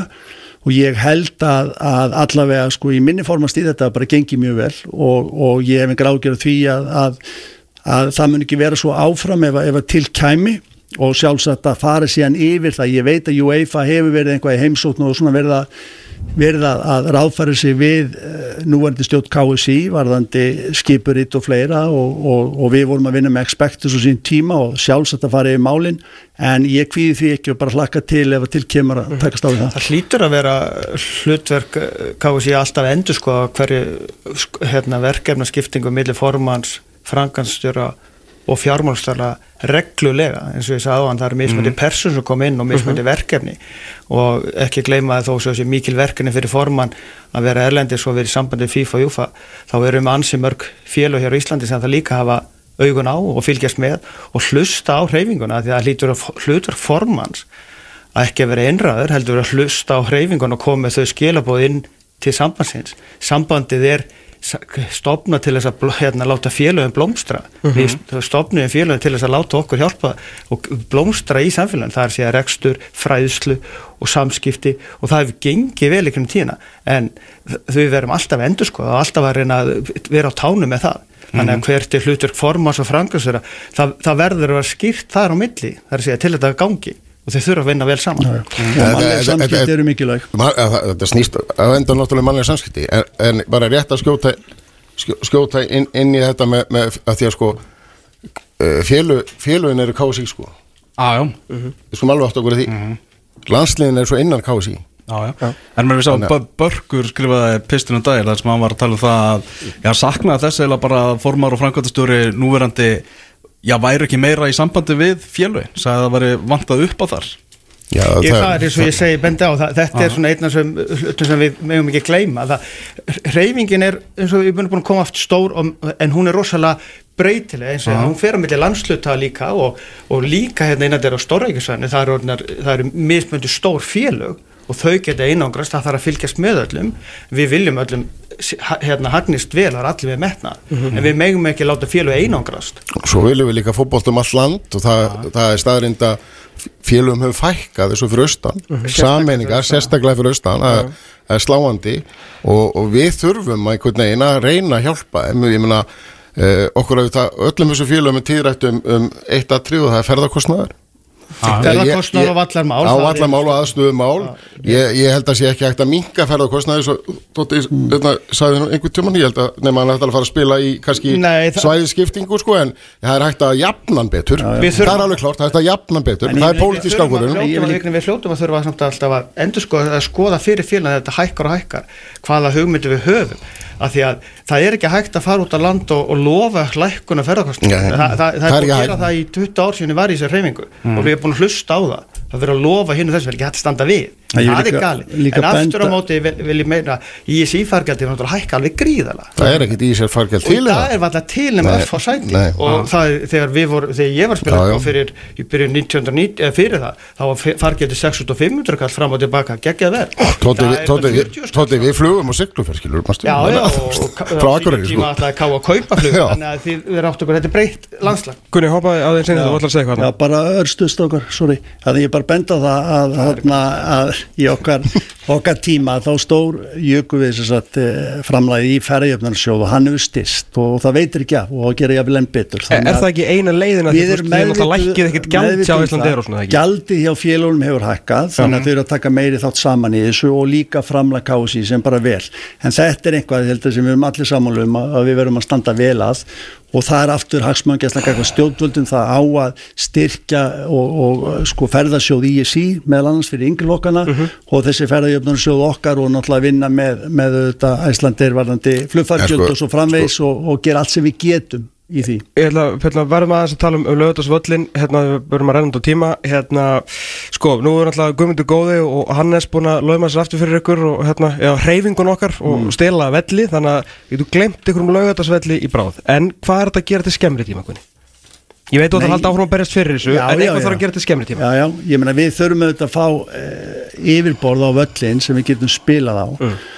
Og þetta með við erum ekki almennilega í skjóli þóttu sem er undirhitta þá er þetta ekkert engin garantí því og það er bara mjög slæmt. Mhm. þannig, að, þannig að við verðum að setja sko kraft í þetta og ég hef aðeins saknað þess undarfarið mér finnst kannski að, að svona eftir COVID að þetta hæðist á allir, allir þessari bara til COVID að þá hefðu kannski átt að, að í raun og veru láta meira í okkur heyra eins og það sem að ég eh, sko mínu upplýsingar eru ekki verið nógu virkin í stjórnkerfi bæði hjá borginni og ríkinu til þess að minna á okkur. Stjórnvöld tala bara um þjóðarhöll í dag. Það er- það er- það er- það er bara skóplustunga eftir korter sko. það er bara mæta. algjörlega því að við erum búin að vera í þessar undirbúningsvinnu í hvað einn átta ár. Það er búið að setja á annað hundra miljónir sem að þó ríkið og borgin hafa mestuleiti þetta borgað, langmestuleiti Já. Og þetta er eitt eh, sko eh, mesta sko þarfa greining bara sögunar í fótbolta sögunni nánast. Og verið með eh, helstu, færistu sérfræðinga bæði ellenda og líka einhverja illenda og það eru mörg eh, gríðarlega sterk rök fyrir þessu fyrsta lagi. Náttúrulega við getum ekki orðið spilað okkar heimaleiki yfir, yfir tímabilið eins og það er að þróast. Algjörlega. bæði fyrir félagsliðin og fyrir landsliðin. Og, og við eh, rekum algjörlega lestin árið bara í Evrópi og þetta er bara því miður til skammar. Ég veit að við erum á tólti erfiðum tímu núna sem samfélag út af Grindavík og því sem við erum að takast á við líka efnaðslega einhverju leiti en ég er bjarsinismæður og ég tel að við þurfum að vinna þetta samlega því að fá núna sko aðstu tímabundið en það má ekki hægja því að við verðum að fá þjóðalegum. Það er bara löngorið tímabært og það eru góð og gild rauk á svo mörgum sviðum fyrir því og við sem hreyfing sko núna þurfum að vera ein rödd og fara í það til þess að, að, að, að í raun og veru fá niðurstu í það mál samlega því að þjóðurhöll er þá vantarlega byggð af því að, að við vorum á undan við okkur var að lofa þessu Jú, jú. skriflega í rauninni 2018 þarna, af stjórnvöldum að þetta ætti að bjóðast út í lokás en við það var ekki staði því miður Uh, Vil eitthvað koma inn á það? Já, ég meina, ég, Jó, ok. Bá ég byrja að fyrir Lagaðu mækinn Fyrir, fyrir ekki, það var fundur hérna fyrir jól, mjög góð fundur um va- vallamál og mannvirkjamál og farið yfir þessi mál niður frá og uh, við erum alveg, ég held að allir séu samanlega þessi völlur, er, við erum konum bara á alveg síðust tíma sko. það þarf að breytum undirla núna. Og klefandur okkar er náttúrulega alveg bara þetta er, já, hvað að segja, þetta er bara aftur í tíman þannig að það var það er búið að gera eitthvað hérna, áallunum um að taka upp völlun og setja hybrid á hann og reyna að gera klefana sem er 1,5 miljardur þannig raun í dag er það eina lausn það er engin teikning um það að sé að koma nýr völlur nýtt eins og er ekki bara fyrsta skrifið að tryggja við förum ekki til færi Þú ert bara að byrja þar. Byrja þar, við verðum bara að, við verðum, að fá, verðum að byrja bara að gera undirlæðið og Já. klára það og fara í þá vinnu með og, klef, og klefan og síðan hvort að þróun verða að endurbyggja völlin hér eða ekki. Ef ykkur kemur lóð hér og við fáum lífyrsjóð aðra til þess að byggja með okkur frábær, en við getum ekki beðið. Það, það er bara, við erum alveg stoppari Við erum alltaf í umspili í mars bara til Guð sem að Já, hérna, verður dreginu út af öll sko en það er hrættir að grafa upp völlin það virðist vera eitthvað undir honum og Já, það, það er einhverju sögur um það. Um En ég, þú veist, ég, ég er alveg á þeirri skoðun að, að, að nákvæmlega sama eins og, eins og Þóraldur segir hérna að það, það þarf að gerast eitthvað strax. Við verðum að ná samningum við yfirvöld um að, að, að skipta út grassinu, fá hitt og undir hybrid og búnisklefa. En það á auðvitað bara að vera fyrsta skref í einhverju þróun á vellin Ja, og þar, þar getur maður svo, uh, svo þar getur okkur greint á. Ég er ekki í hugmyndinni 25.000 manna völlur yfirböður og fyrir tónleikahald líka sko. Ég held að það sé of stór hugmynd. Hver var það með, með 25.000? ja, 20.000 15.000? ja, þú varst alltaf í 25 og sko. Ég er 15 Já, Það já, er ok. ekki alltaf í 15 ja, ok, 10-12.000 manna völlur Já. er nóg fyrir okkur segi ég Það er alltaf nýjasta teikningin var 15 ekki, þessi flottasta hann já, ok, afsakaðu það kunni Já. Er e eitt mál sem en, en það, til þess að ná þessu svo þú veist, verðum helst að gera samningin hann að við tökum þetta svo í einhverju sjálfsögðu. hann að við missum ekki og höldum þessu bráðabyrða En- áfram. frábær hugmynd já, sem eins og byggt í færi Geggjað, geggjað hugmynd. Geggjað. hvort sem að, en hybrid er það sem við viljum fá og sjá það ég. Já, við erum í limbo með okkar ágæta Jú, jú. já það er ímislegt að breytast þar breytast þar. Uh, á nýlega þá skrifaði Óvi Hóraðandi nýjan samning, stjórn KSI hérna endur nýja samningin við, við hann og það verið eitthvað að vera gaggrínt veit ég einhverjum umræða þáttum um fótbolta og allt þannig tímasettingin á þessu stutt í ásting að koma nýr formaður inn og, og allt þannig. Finnst þér þetta eitthvað skrítið, Vignir? Byrjum að þér við skulum áttu að vera því að stjórn sambandsins Já. er starfandi núna sko. Já, og það kemur svo en 94. lága á þessari ákvörðun? Já, ég, þú, nú get ég ekki sett minn hvað fer, þeirra á milli. Nei, að þér finnst þetta skiljanlegt? Mér finnst þetta skiljanleg ákvörðun hjá, hjá, hjá núverandi stjórn. Af því það sem ég les um, ef það ég veit ég ekkert um samningin en það sem ég les í, í miðlunum að það séu gluggi eftir þjóðadild sem fyrir þá nýja stjórn. Þannig að það er raun og vöru verið að ráða uh, núverandi landstistjála út þjóðadildina þannig að er ef þeir vilja skipta. Hvað var styrkunni? Já, ég, sko, mér finnst þetta aldrei skrítið eða svona tímasetningin, svona, þú veist, hvað ef að þetta hefði eitthvað bröðist og eitthvað fleira en, en, en, en eins og Vigni segir, maður veit ekki alveg aðstæðunar, þannig að, að, að miður við hvernig þessi samningur lítur út að þá, og, og ég er sammála því að það er ágætt að hafa stöðuleika og, og e, e, hefur komið þarna inn, það hefur ákveðin bæting kannski í leikliðsins á, á vissanátt en samt ekki stöðuleiki, úslitin hafa látið á sér standa og svo framvegis. Áran samt svona kannski aðeinskári eða svona, þú veist. Já, já, þannig að, þannig að bara heilt yfir það, þá eh, er það bara gott að hann, hann, hann verði áfram þennan tíma og svo bara sjá hvernig gengur. Já, Samála þitt á þig Ég get alveg tekið undir að við erst svolítið eh, horfum bæ, bæði frá sambandinu og þjálfur hann sjálfum að, að ráða sig áfram í, í þessu limbo? Það er að framkastur í formar að breytast og mm kannski, ef mér setjið spór þjálfur þá hafði ég kannski hugsað mig um og kíkt á eins aðstæður og beðið en ég get líka tekið undir að stjórnin er starfandi, hún tekur sér ákvörðun en við þurfum ekki alltaf að sammála öllu sem að stjórn gerir. Ég, mér finnst tímasetting sérstök En, og mér finnst mjög sérstætt að koma fram að séu uppsannar ákvæði, það er ekki oft sem sjá samninga og það kemur öll uppsannar ákvæðin fram það var ekki einmitt svolítið til að verja sig gagvart þessar ákvörður Nú verður þú að spyrja aðra en, en mig sko í því en, en Já, ég skulle bara segja það, þetta var til þess að verja sig gagvart þessar ákvörður Já, Já, já, ok. en, en ég er að segja ég, ég hefði svona þetta er sérstu tímasetning, orðað þannig. já. en eins og ég Jú, ég sýtandi, ég var sýtandi í stjórn KSI og allt það, þá er menn að horfa fram á einn þeir auðvitað starf frangustjóra en ég hefði fannst þetta ekki rétt, við döglisa Jú, mér finnst bara. Ha, vinna, vinna sér tíma. Vinna sér tíma, er En, en segið, þjálfaradæmi það er þetta alltaf sama sko, en hvað var það að því Guðnir nefnir úrslitana, ég held við þurfum ekki að hræðast framtíðina, ég, ég þekki drengir sem eru að koma í gegn, þjálfaði mörg ár. Við erum með marga hæfileika stráka við erum með og stelpur, við erum með stráka sem úti sem er að setla sig. Þeir eru að komast fótunum undir sig orðað þannig aftur, þeir voru, fóru snemma út og við erum sjá hvert drengin að fætur öðrum að springa og við munum líka sjá í kvennarknarspunni það, að það mun aukast líka, sérstaklega ljósið þess að við erum að sjá uppeldisbótasystemið. kynnt til sögunar í kvennarknarspunni það með breyta mikið fyrir mm. kvennarknarspunni á Íslandi. Klæðislegt, ég hérna, við finnum að þið alltaf allir að þið með tímanu þegar löpuð hérna inn og svo alltaf hefur við ennþá svona fjóra spurningar eftir og tíminn er stann búinn en þið hefur líka bara komið þessu vel frá okkur. Veikum Már Þormánsson, Þorvaldur Öllisson Við þurfum sér þátt hver sko. Ég veit að það virðist vera, þetta var algjör- Hættir að bæta við. Guðni þarf tvo tíma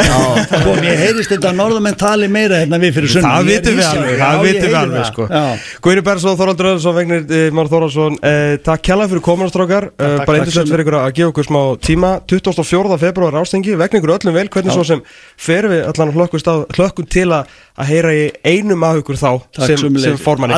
Takk- betur, flott, flottist okkar Herru við, bara þar rann með tíminn. Ellert, takk bara kjalla fyrir samverðina. Þetta var þetta fyrsti afmæli, fyrsti afmæliskjöfun okkar. Þeir voru ekki að lesa leikin Þessi strákar að koma afmæliskjöf En þeir geta bætt úr því síðar. Eh, Hérna við verum með náttúrulega til 16 og 22 tíma. Þannig til verið sæl